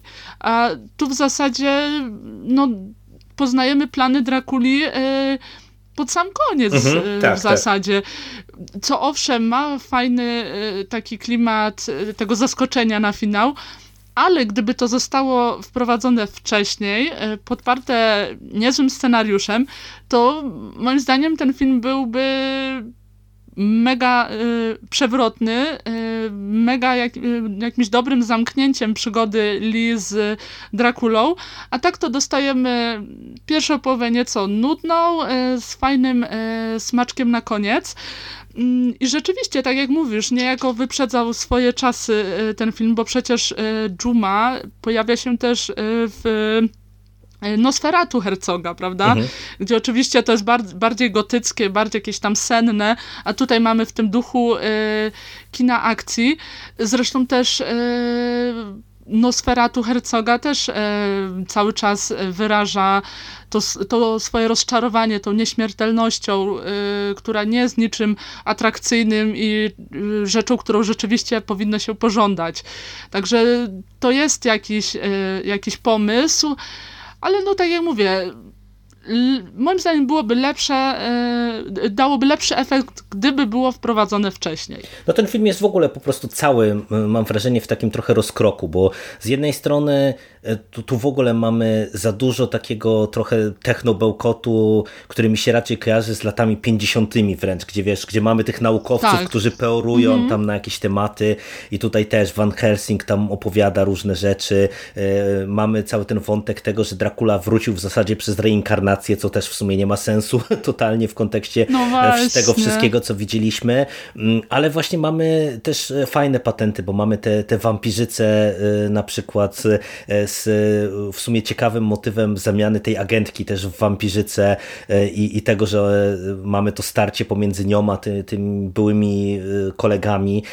Mamy właśnie trochę tego okultyzmu, ale w takim tym też już właśnie bardziej późniejszym tonie, gdzie ten okultyzm jest e, skojarzony bardziej z kultami albo takimi sektami, ale, ale tak. które będą próbowały y, przejąć władzę nad światem. Nie? To mi się to kojarzyło trochę z Omenem na przykład, nie? Gdzie, gdzie już nie mamy kultu szatana jako kultu szatana, mm, tylko że, że tak naprawdę ten okultyzm jest już łączony y, tak jak nie wiem, jak z masonerią trochę, nie? że to, to jest taka gru, jest. grupa, grupa trzymająca władzę, nie? że to, że to nie, nie jest już y, mm, stricte nie wiem, religijne czy, czy jakieś transgresyjne, tylko to jest po prostu środek do celu, żeby e, nie wiem, osiągnąć jeszcze dodatkową władzę, e, potęgę i tak dalej, i tak dalej. I mówię, pod, pod tym kątem naprawdę e, to jest niezły film, ale mówię, no on niestety ma za dużo takich no, dziwnych rozwiązań,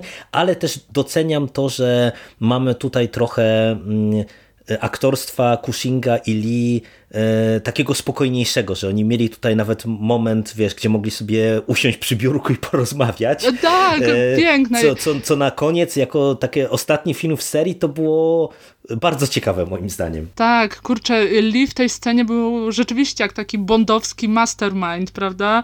Także no to też takie, takie drobne sceny, które fajnie się oglądało e, na zakończenie serii, prawda? E, a ten e, wątek okultystyczny, o którym wspominałeś, rzeczywiście był moim zdaniem bardziej na serio potraktowany niż w poprzednich częściach. I ja tą częścią nie jestem do końca zadowolona, y, ja z tej części nie jestem do końca zadowolona, ale tym, co mi się mega podobało, y, to był znowu śmierć Drakuli, który wpada w jakiś krzak głogu, czy tak, tak, czegoś tak. w tym stylu i te kolce wbijają mu się jak, niemal jak korona cierniowa. No wygląda to fantastycznie i też się... Mm, jest fajną taką puentą dla tych y, wszystkich wątków religijnych, które y, przewijały się nam y, w zasadzie przez całą serię.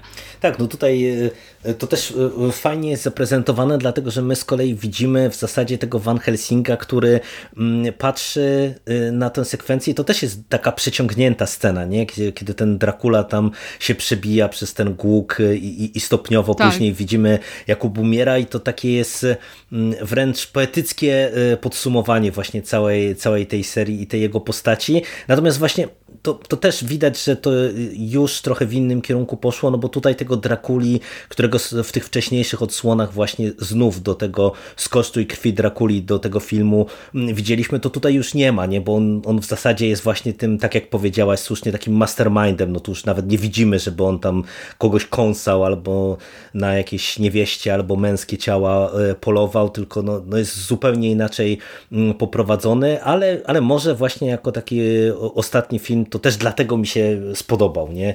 Także mówię, to nie jest specjalnie dobry film, ale wydaje mi się, że na zamknięcie serii on się całkiem nieźle sprawdza. Tak, szczególnie właśnie to zakończenie, to jest mimo wszystko, no nazwę to godne pożegnanie e, Drakuli Christophera Lee.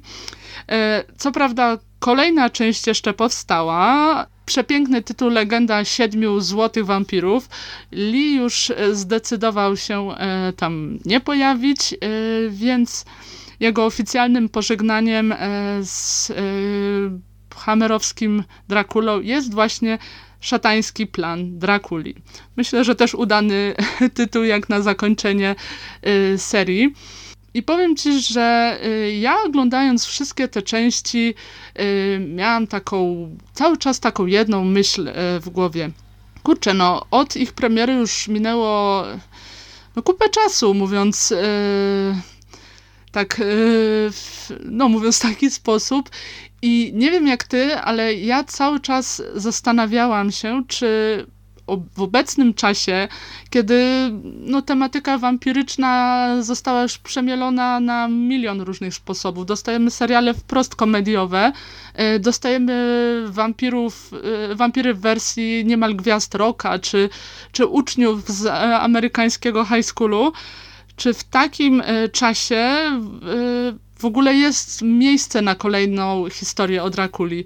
No bo owszem, dostawaliśmy y, różne przedstawienia, ale mam wrażenie, że tak jak chociażby w tym y, miniserialu y, Moffata, większą atrakcją był y, nie tyle Dracula, co sam Moffat i to, w jaki sposób on o tym Drakuli stara się mówić. Ja mocno się nad tym zastanawiałem i trochę nie wiem. E, w tym sensie, że z jednej strony ja jestem daleki od tego, aby mówić, że historie wampiryczne w dzisiejszych czasach e, nie mogą funkcjonować, bo jednak co i róż nam te tematy wampiryczne wracają i oczywiście na pewno zmierzch i popularność całego Paranormal Romance tutaj wampirom zrobiły sporo złej prasy, no bo tak trochę się teraz kojarzą mhm.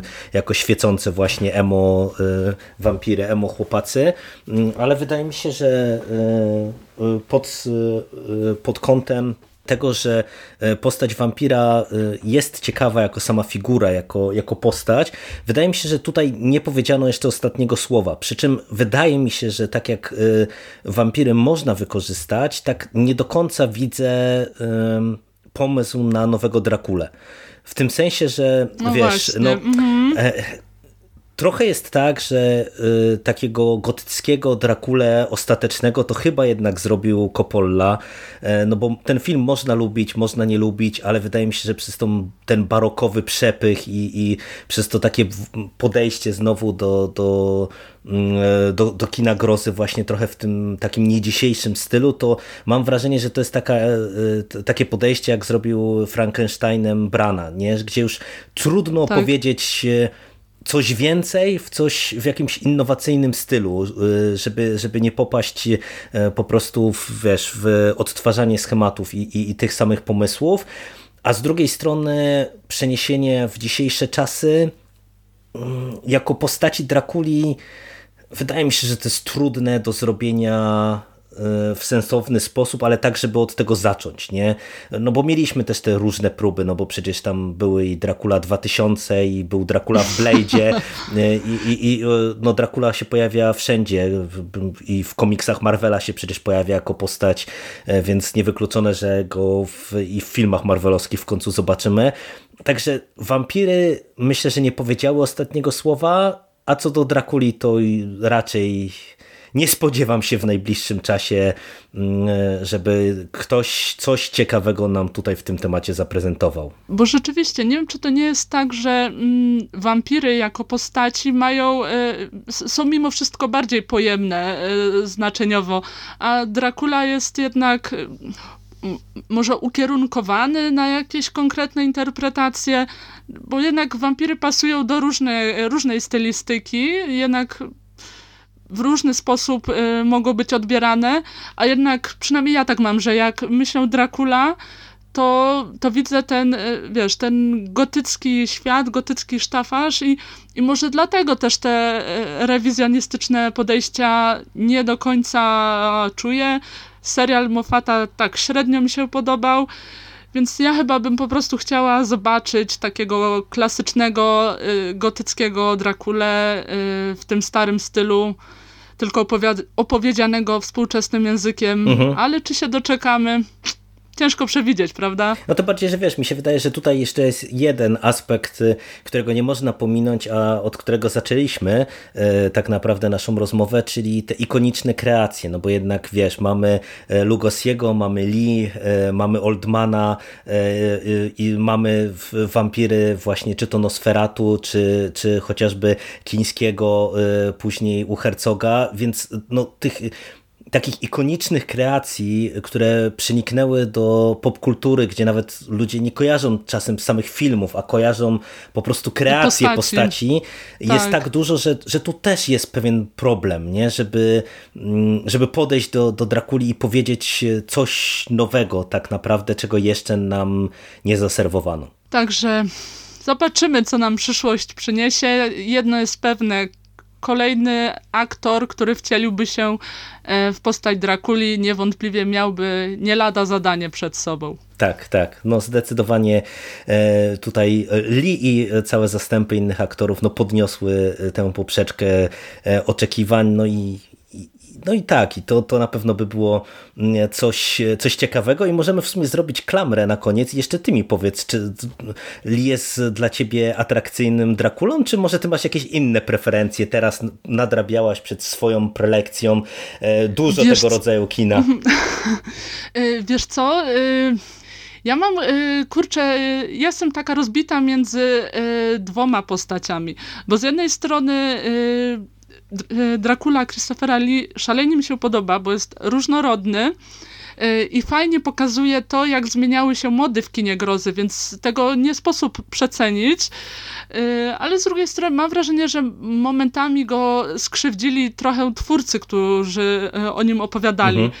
Więc jeżeli miałabym wybrać tego swojego e, ulubionego, e, to zaskakująco wybrałabym pewnie tego najmniej kojarzan- kojarzonego, e, czyli Willema Defoe e, z cienia Mhm. cienia, Boże, cienia czy cieniu wampira, e, z cienia, e, z, fi- z filmu Cień wampira, e, który jest moim zdaniem chyba ostatnim doskonałym e, filmem e, stricte o Drakuli, e, w którym e, Willem Dafoe wciela się w postać Maxa Shreka, e, bo sam film dotyczy powstawania e, Nosferatu e, Friedricha Monroe'a e, i to jest dla mnie Dracula skończony przerysowany, straszny, mroczny, ale też w pewien sposób melancholijny, czyli w zasadzie to, co moim zdaniem do Drakuli pasuje idealnie.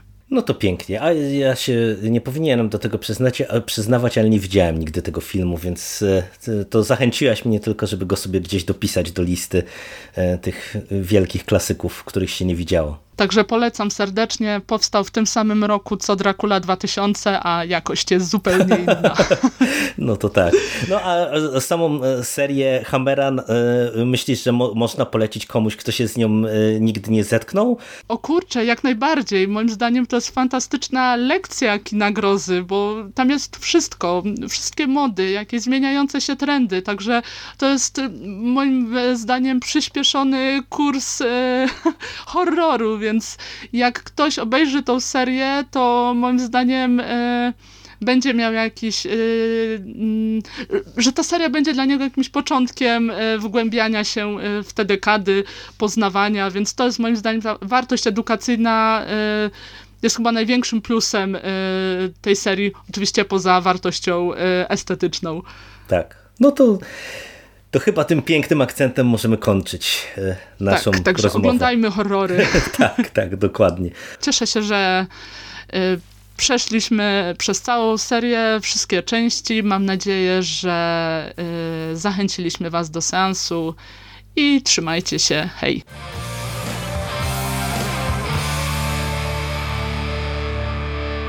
You finished? That's it, man. Game over, man. It's game over. What the fuck are we gonna do now? What are we gonna do? It's over. Nothing is over! Nothing! You just don't turn it off!